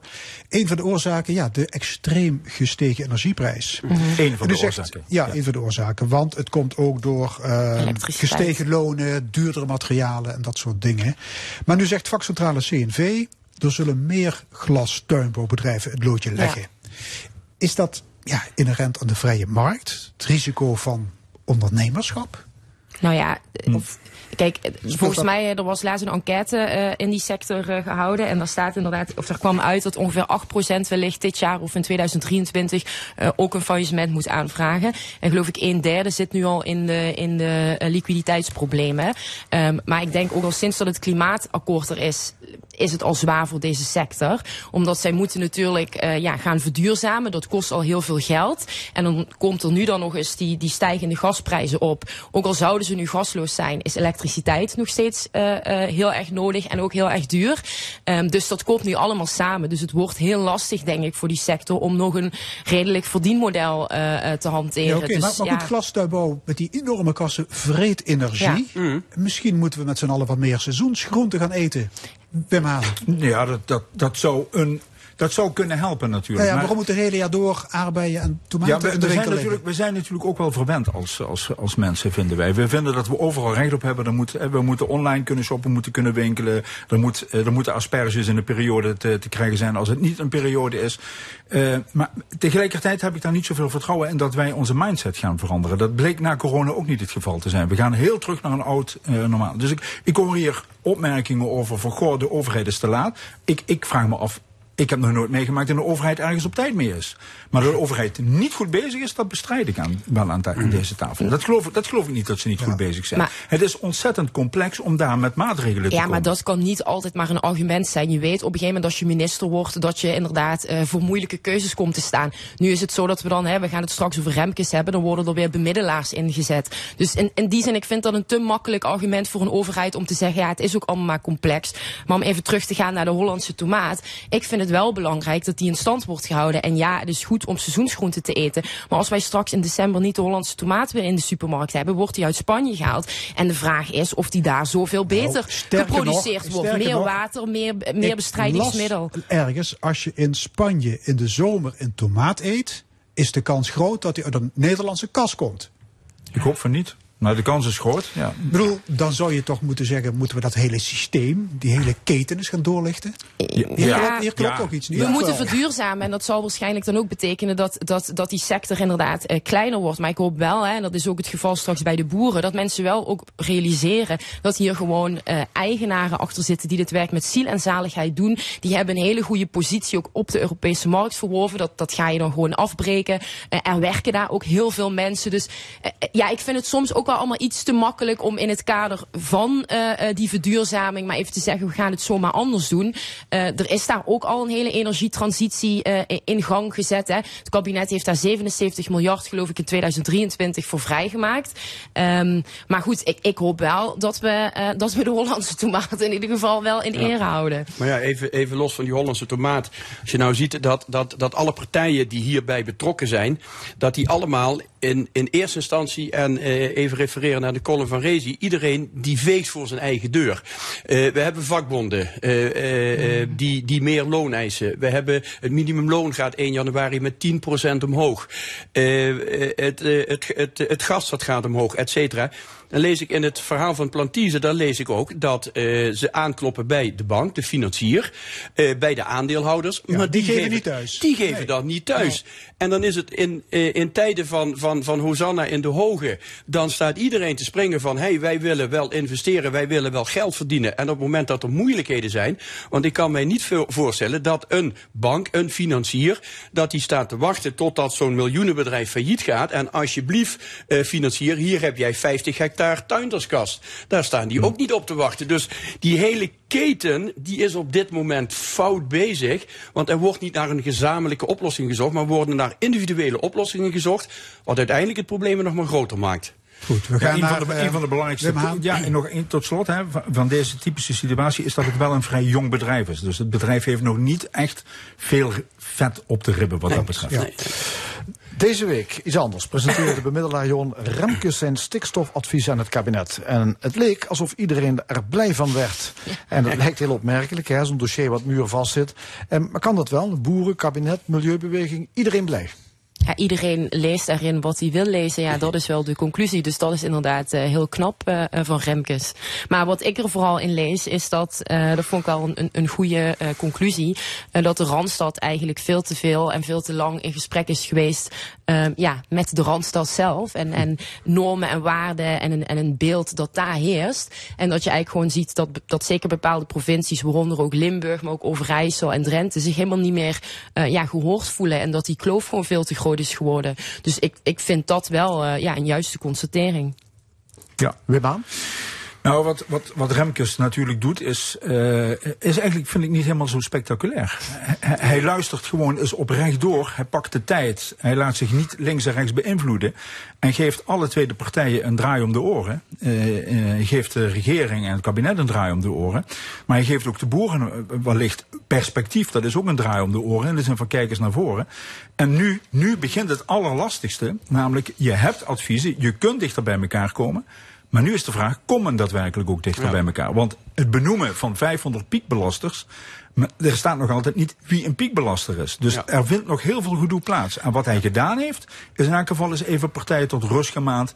En uh, de urgentie nog eens een keer daar. Maar hij heeft wel ook echt wel gezegd dat een andere aanpak, uh, dat is mogelijk, maar het is ook zeer zeker wenselijk. Dus dat vind ik toch wel een hele duidelijke stellingname die in dat rapport staat. Hè? En er worden toch ook wel hele concrete veranderingen. Bijvoorbeeld, waar heel veel over te doen is, de uh, kritische depositiewaarden. Daarvan wordt duidelijk gezegd, die zijn niet heilig. Mm. Kijk niet alleen naar depositie, ga, ga de emissies, ga daarnaar kijken. Ja. Dat is toch wel een, een, iets wat de agrarische sector ook al heel lang roept. Maar ja, goed, de uitgang, het uitgangspunt blijft toch gewoon 2030 uh, ja. de helft minder stikstofuitstoot. Nee. nee, nee, maar dat is geen, geen, geen heilige verklaring. Echt nee, niet. Want er wordt duidelijk gezegd, als je nu bijvoorbeeld in Limburg zijn 43 bedrijven die willen uitkopen. Hij zegt, ga daarmee aan de slag. Uh, koop die ook ruimhartig uit. Als, als dat gebeurt, dus alles wat je voor 2030 kan doen, betekent ja. ook dat je niet dogmatisch aan 2030 hoeft vast te houden. Dat, je, is, dat is althans wat ik er dan ja, in lees. Ja, maar wat je, wat, je, wat, je hier, wat je hier vooral ziet is een, is een, is een heel mooi staaltje HTS uh, politiek, hoge toneelschoolpolitiek.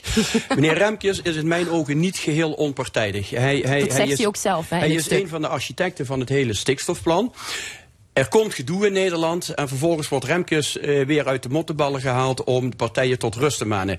Remkes zit in de luxueuze positie dat hij helemaal niks meer te verliezen heeft. Iedereen kijkt tegen hem aan als een uh, eminent gris. En hij kan zich dingen permitteren die, die anderen niet kunnen. Maar dan komt het rapport. En in plaats dat het rapport nou uh, um, um, heel duidelijk is, roept het meer vragen op. werd net ook al gezegd. En als je het rapport nog wat dieper gaat lezen, en dan laat ik het even de, de, de, de uitstoten en toestand, die laat ik even weg. Maar dit rapport is wel nog veel dwingender. In de eerste plannen werd er gesproken van we moeten verlagen. Maar Remkes die komt nu met een advies, 500, 600 piekbelasters. Die moeten binnen een jaar al weg zijn. Dat is al veel dwingender als het eerste verhaaltje. Uh, hij, ja. hij, hij vijnt zogenaamd empathie. Maar die empathie, uh, die, nee, heeft hij nodig, die heeft hij nodig om het kabinet het kabinet weer in stelling te brengen om met die partijen in gesprek te komen. Want het vertrouwen was helemaal weg. En ik zou heel even graag teruggaan naar 1985. In Oostenrijk was toen een gigantisch wijnschandaal. Werd glycol werd toegevoegd aan wijnen om de wijn uh, zoeter, lekkerder te laten smaken.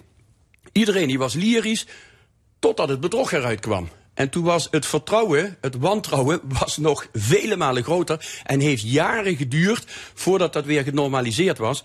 En ik ben bang dat we daar nee. hier ook ja. een beetje zou, naartoe gaan. Zou, zou het kunnen zijn, Jesse Klaver uh, ja, van GroenLinks, die zei na de presentatie... het kabinet moet vaart maken voor de boeren echt zien wat erin staat. Want nee, alles waar ze boos over zijn, dat blijft dat gewoon. Dat toont precies ook, het, ook aan wat Remkes in zijn rapport daar benoemt. Hè. Eigenlijk gewoon weer de Randstad die oordeelt over, over mensen, over een bepaalde sector. Hè. Er wordt dus, er wordt, Remkes wordt dus als bemiddelaar gehaald. Er is enorm veel tijd in gaan zitten om met al die mensen te praten. Enorm veel werk verzet. En dan doet zo'n klaver, het doet het even af. Zo van, oké, okay, strik eromheen. Vind ik al echt walgelijk taalgebruik. Als er zoveel werk verzet is, strik eromheen en door. Dat is dus ook precies het probleem. Om eigenlijk puur vanuit een, ja, een juridische bril gewoon vast te houden, heilig vast te houden aan bepaalde uh, uh, doelen zoals die 2030, maar zo, uh, ook die kritische depositiewaarde. Dat is juist het probleem. En in het rapport Remkes wordt, vind ik, dat nu opengebroken. Ja. Er is dus mogelijkheid om daar niet heilig aan vast te houden. En dat ja. is heel goed. Maar, maar dus Cor, net... Cor zegt, het is juist veel dwingender, dit rapport. Ja, het rapport is veel dwingender. En, en, en, Je haalt één de punt eruit van het opkopen. En de op, ja, maar de, dat is al dwingender als in het ene. En, en de opmerking van Klaver, ik blijf erbij dat ons kabinet, onze, weet ik niet hoe je ze wil noemen, ze hebben helemaal geen enkel gevoel met wat er binnen de samenleving leeft. En meneer Remkes, nogmaals, Eens. wiens brood men eet, wiens taal men maar spreekt. Maar er zijn ook echt bedrijven die, uh, wat ik net al zei, er zijn 43 bedrijven in Limburg die opgekocht willen worden. Als je dat dus doet, wat ook Remkes daarin zegt, dan betekent dat ook juist dat je niet dogmatisch aan 2030 hoeft vast te houden. Ja. Dus dat is, het is een en-en. Je kan daar ja. niet één punt uithalen Remkes, en dan zeggen het is dwingender. Remkes heeft heel duidelijk uh, ook aangegeven van aan de, aan, de, uh, aan de oorspronkelijke doelen, daar gaan wij niet aan draaien. Die blijven rechtop overeind staan. Voor nu, voor nu. Hoeft niet hoeft niet per 2030 te zijn. Ik denk dat ze eens met die groene bril, dat ze die eens moeten afzetten. Want er loopt ook nog een procedure bij de Raad van State. Uh, als die procedure erdoor komt, dan staan de groene jongens die staan allemaal te schreeuwen van hoera, hoera, hoera. Maar dan kunnen we helemaal niks meer in Nederland. Wat, wat, het rapport ook nog duidelijk maakt, is dat het dus loont om heel veel krakeel te maken. Mm. Nee, dat staat er ook duidelijk in benoemd. Geweld en, en is nooit de oplossing. Nee, nee, maar dat er is ook duidelijk gezegd. Nee, nee, ja, nou, dat betekent in elk geval dat er een bemiddelaar komt, dat genuanceerd wordt enzovoort. Discussiepanel vandaag met Gabrielle Heijnen, Cor Bosman en Wim Haan. En dit was de stemming vandaag gemaakt door René Bergers, Fons Geraerts en Frank Rubel. Graag tot volgende week zondag, 11 uur. Dit programma wordt herhaald maandagavond om 8 uur en is ook te beluisteren via onze website l1.nl. Ik wens u nog een mooie zondag.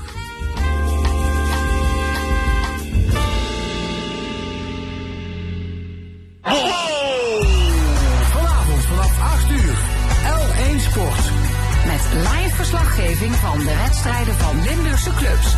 Ja, 73 minuten op de klok en we gaan ons langzaam aanvragen. Wordt hij vanavond nog überhaupt gescoord? De actuele sportuitslagen en het laatste sportnieuws.